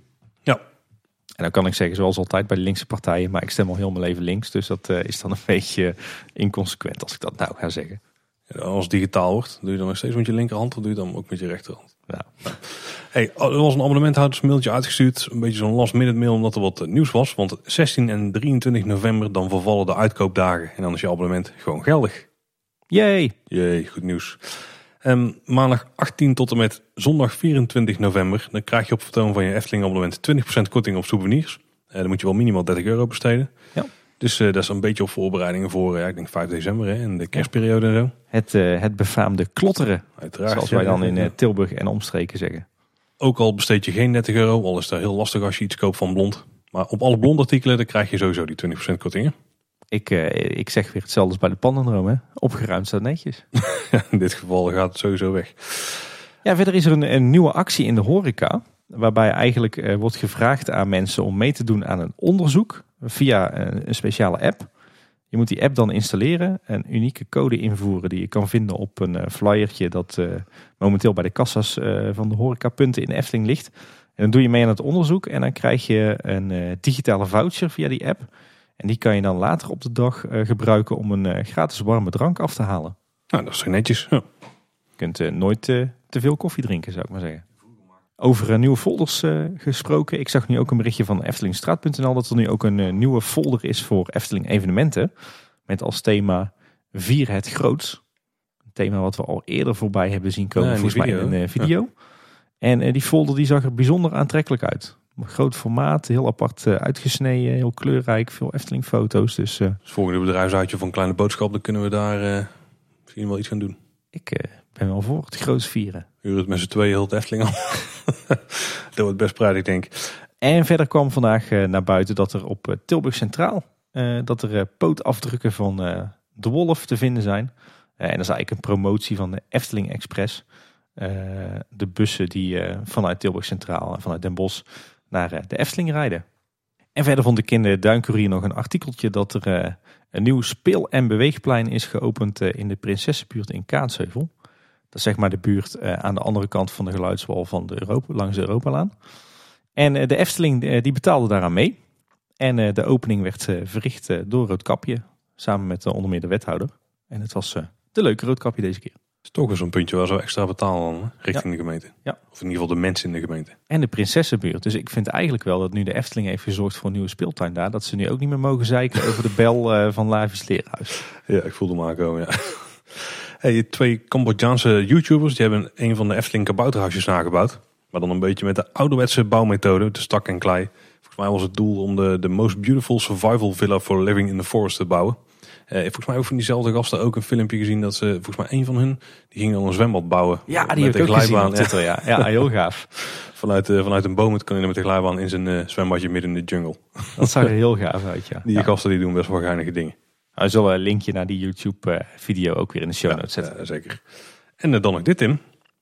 Eén ding wat mij was opgevallen de afgelopen tijd... is dat een Efteling-fanaat, Peter Munne, die eh, 23 jaar oud... een poster had ontworpen. En echt zo'n zo'n blueprint poster, weet je wel. Ja. Als je die eh, misschien wel Echt een kent. van- blauwdruk, ja. ja, Van bepaalde films en zo, daar hebben ze ook wel dat soort posters van gemaakt. Maar in dit geval was het dus een blauwdrukposter met alle voertuigen uit de Efteling. Echt heel tof. Ziet er echt heel tof uit. De bootjes, de gondels, de achtbaantreintjes, de treinen van de, de, de Eftelingen. Ja, de slakken van de monorail, eh, de potten van eh Monsieur Cannibal. Echt heel tof. En eh, je kunt hem op dit moment dus ja, soort van bestellen. Eh hij had een berichtje op Loopings eh, was er gewijd aan zijn eh, poster. En daarna werd het in één keer heel populair. Volgens mij had hij inmiddels dan 600 bestellingen gekregen. Ja, en klopt. nu zit hij een beetje te kijken van hoe moet ik dit gaan doen. Nou nee, ik, ik was zelf ook van de, een van die 600 die zich had aangemeld voor een print. En ik heb nu netjes een mailtje teruggekregen dat hij ze dus niet meer gaat drukken. Oh, oké. Want hij, hij mocht er niet commercieel iets mee doen. had hij van de Efteling te verstaan gekregen. Hij mocht dan wel tegen kostprijs drukken. Maar hij zei ook, ja, dat is geen doen om ze meer dan 600 van die exemplaren Mhm. te, te drukken. En dan eh, via de post te verzenden. Dus je krijgt nu, eh, hij had een, eh, een linkje erbij gedaan naar de hoge resolutie download. Dus dan kan je hem zelf afdrukken. Ja, maar Efteling maakt van dit soort dingen nou ook gewoon een, een, een postertje, weet je wel. Perfect voor in Eftel dingen. Past niet echt bij de attracties, maar gewoon dat is wel een mooie plek om zoiets gewoon neer te leggen. Ik denk dat je er wel duizend kunt bestellen. Dit is echt gewoon zo'n eh, zo'n fansouvenir. Hè? Net, net als bijvoorbeeld eh, de bordspellen die uh, Vlederik bijvoorbeeld Ja. eh, geregeld ontwerpt met een Efteling thema. Dit, ja, dit heeft echt potentie. Eigenlijk zou ik vind eigenlijk dat, eh, dat creatieve Efteling fans hun souvenirs eh, zouden moeten mogen pitchen bij de merchandise aflevering. Eén keer per maand of zo. Dat is misschien een beetje vaak, één keer per half jaar. Ja. zo doen, ja. Goed idee. Ik denk dat er best wel leuke dingen tussen zitten. Heb jij nog wat dingen, Tim? Ja, nou, we hadden het al over de Duincourier. Er stond een heel interessant artikel eh, in. Eh, namelijk dat er opvallend veel eekhoorns worden gespot, eh, gespot in het dorp Kaatsheuvel. Mhm. Eh, en dat het hoogstwaarschijnlijk komt dankzij de eekhoorns die een paar jaar geleden door de Efteling zijn uitgezet. Die zijn in het park uitgezet, dan neem ik aan. Die zijn in, in het park uitgezet, maar die verspreiden zich nu ook over Kaatsheuvel. En dat is iets wat ik zelf inderdaad ook zie. Want als ik wel eens over de Marktstraat en via de wijk Heiakker naar de Efteling loop, wat ik geregeld doe, want dat is mijn, mijn route zeg maar. Dat is een hele bosachtige weg en wijk. En dan kom ik geregeld eekhoorntjes tegen. En eh, die horen daar eigenlijk eh, normaal gezien niet. Hm. Maar goed, het zijn geen exoten, het zijn gewoon inheemse dieren. Uh, dus een hele positieve ontwikkeling, denk ik. Al hoop ik wel dat er nog eekhoorns in de Efteling zelf zitten. Ik weet even de context niet meer volledig, maar we geven wel eens podcast tips. Er was een aflevering van 99% Invisible ook over eekhoorns en hoe die ze Amerika hebben overgenomen. Ook interessant. Gaat een beetje, heeft hij wel raakvlakken mee. Oké. En dan een leuk weetje als we het er dan toch over hebben. In uh, Tilburg, in, het, uh, in de oude veranda, heeft een tijdje een dierentuin gezeten van de eigenaars van Burger Zoo. Mm -hmm. uh, en daar zaten ook Amerikaanse grondeekhoorns in. En die dierentuin die is toen opgedoekt. En die eekhoorns die zijn toen ontsnapt en die hebben toen in een, naastgelegen bos, in een wandelbos, een eigen kolonie gesticht. En volgens de Europese regelgeving zou de gemeente Tilburg die eekhoorns eigenlijk moeten afmaken. Want dat zijn invasieve ongewenste exoten, zoals mm het dan zo mooi heet. Maar ze hebben nu bij het Europese Hof ontheffing gekregen. Omdat die eekhoorns niemand kwaad doen. Dus er zitten nu Amerikaanse grondeekhoorns in het wandelbos in Tilburg. Ja, Amerika is dus precies andersom. Daar hebben ze dus wat Europese eekhoorns ja. naartoe gebracht. Ja, mooi hè? Uh, we kregen trouwens nog een uh, leuk berichtje van Park Hopper op Twitter. Die zegt uh, bedankt voor de tip jongens. En dat gaat volgens mij over onze twee afleveringen in de buitenwereld. Ons aparte podcastkanaal. Hij schrijft, Göteborg is een leuke stad. We hebben helaas wel al twee dagen regen. Is het risico van oktober. Ik denk dat de stad met een zonnetje toch iets mooier zal zijn. Voordeel nu is het Halloween-event in Liseberg. Hm. Ja, tof. Leuk dat je daar uh, wat tijd besteedt, Park Hopper in Göteborg. Het is inderdaad waar dat uh, je in Zweden net iets vaker uh, slecht weer hebt dan hier. En dat heel veel bezienswaardigheden in Göteborg buiten zijn. Maar twee tips leuke binnen, binnendingen om te doen. Je hebt het uh, Göteborg Stadsmuseum. Uh, heel mooi aangekleed, gethematiseerd en vertelt eigenlijk het verhaal van de, de historie zeg maar, van de stad. en je hebt ook het Universeum, wat een heel vet gebouw is. Ligt naast Liseberg, dus lekker praktisch. En dat is eigenlijk een combinatie van een soort indoor jungle, aquarium en wetenschapsmuseum. Dus dat is ook echt een, een aanrader. Ik denk wel dat Park al een tijdje terug is in Nederland, hoor. Nou, dan voor andere luisteraars. En, en je hebt een uh, bekend Zweeds spreekwoord en dat zegt... Uh, dat finns uh, ingen uh, dåligt verder, bara dåliga kläder. oftewel, slecht weer bestaat niet, alleen slechte kleren. Oh, ik dacht in de regen kan lekker kledderen. daar ook. Maar een helix in de regen is natuurlijk gewoon prima. Ja, inderdaad. Lekker smooth is die. Over, daarover gesproken, ik, we hebben deze week ook onze zomervakantie van 2020 geboekt. En in tegenstelling tot vorig jaar, toen we eigenlijk van plan waren om voor het eerst met uh, onze twee meisjes uh, naar Stockholm te gaan. Uh, en toen lukte het niet, omdat we niet, geen geschikte accommodatie kunnen vinden. Hebben we nu zowaar een, een accommodatie gevonden voor de zomer van 2020 in Stockholm. Goed bezig. Dus we gaan voor de derde keer die schitterende stad onveilig maken. Een hele tof stad, ja. ja. en last but not least, ik was naar onze collega's van Team Talk aan het luisteren. Die binnenkort hun honderdste aflevering vieren. En een luisteraar die vroeg daar naar hun ervaring met de, de dungeons. Uh, en zij kennen dat allebei niet, maar uh, nou, ze waren er ook niet erg uh, positief over. Ik wil toch nog even een lans breken voor de dungeons. dat, wat zijn dat nou? Het zijn een soort ja, indoor dagattracties van de Merlin Entertainment Group. En die zitten ook achter Madame Tussauds en Sea Life en de, de Lego Discovery Centers en zo. en de dungeons is eigenlijk een vorm van edutainment zou je kunnen zeggen. Dat gaat een beetje in op de, de gruwelijke uh, horror-historie van steden. Um, klinkt heel cheesy, denk ik. Ja, zeker. dat, uh, dat, dachten de mannen van Team Talk ook. Uh, ik heb er zelf drie bezocht. In Amsterdam, in Londen en in Edinburgh. Ik moet zeggen, die in Amsterdam vond ik wel de minste van de drie. Maar daar zit wel een leuk achtbaantje bij. En dan heb je ook wel wat leuke scènes over de pest en zo. Maar die in Londen en Edinburgh zijn allebei echt heel vet. In Londen is die gebouwd in een, uh, in een metrostation wat nooit uh, in gebruik is genomen. Dus dat heeft echt al een enorme spooky sfeer. En uh, ja, het is gewoon heel, heel interessant als je van geschiedenis houdt. Heel leerzaam. maar er zitten, het is ook heel leuk als je van griezelen en Halloween houdt natuurlijk. Heel veel live actors zitten erin. Heel veel schrik-effecten. En ook attracties. Want je hebt dungeons met, met waterbaantjes, met freefall-torentjes met achtbaantjes. Uh, ik weet even niet meer wat nou precies in Londen, Amsterdam en Edinburgh zat. Maar uh, Londen was wel heel gaaf. En ik denk dat Edinburgh uh, wel mijn favoriet was. Maar dat is ook de griezelhoofdstad, denk ik, van de wereld. Dus hm. wat mij betreft zijn de dungeons in diverse steden in Europa zeker een bezoek waard. Als je van themabelevenissen houdt. Ja, dat was hij dan weer voor deze week. Ja. Heb je nou nog vragen of opmerkingen? Wil je gewoon iets aan ons kwijt? Wil je een voiceclipje insturen? Kan natuurlijk ook. Nou, de laatste is denk ik het makkelijkste via de e-mail. Dat is gewoon info.kleineboodschap.com. En wil je op een andere manier iets aan ons kwijt, dan kan dat op heel veel manieren via tekst. Bijvoorbeeld via het contactformulier op de website bij kleineboodschap.com, rechtsboven in het hoekje. Ja, en je kan ons ook bereiken via social media. Uh, op Twitter uh, reageren we en lezen we eigenlijk het snelst. Daar vind je ons bij @kboodschap. Uh, en op Instagram en Facebook zijn we Kleine Boodschap. En verder vind je ons op YouTube en in alle gebruikelijke en ongebruikelijke podcast apps. En als je ons daar dan toch vindt, abonneer je dan zeker ook even op ons kanaal. En laat een reviewtje achter. Dat vinden we altijd wel leuk. Zeker. Nou, dus bedankt voor het luisteren. Tot de volgende keer. En houdoe. Houdoe waar.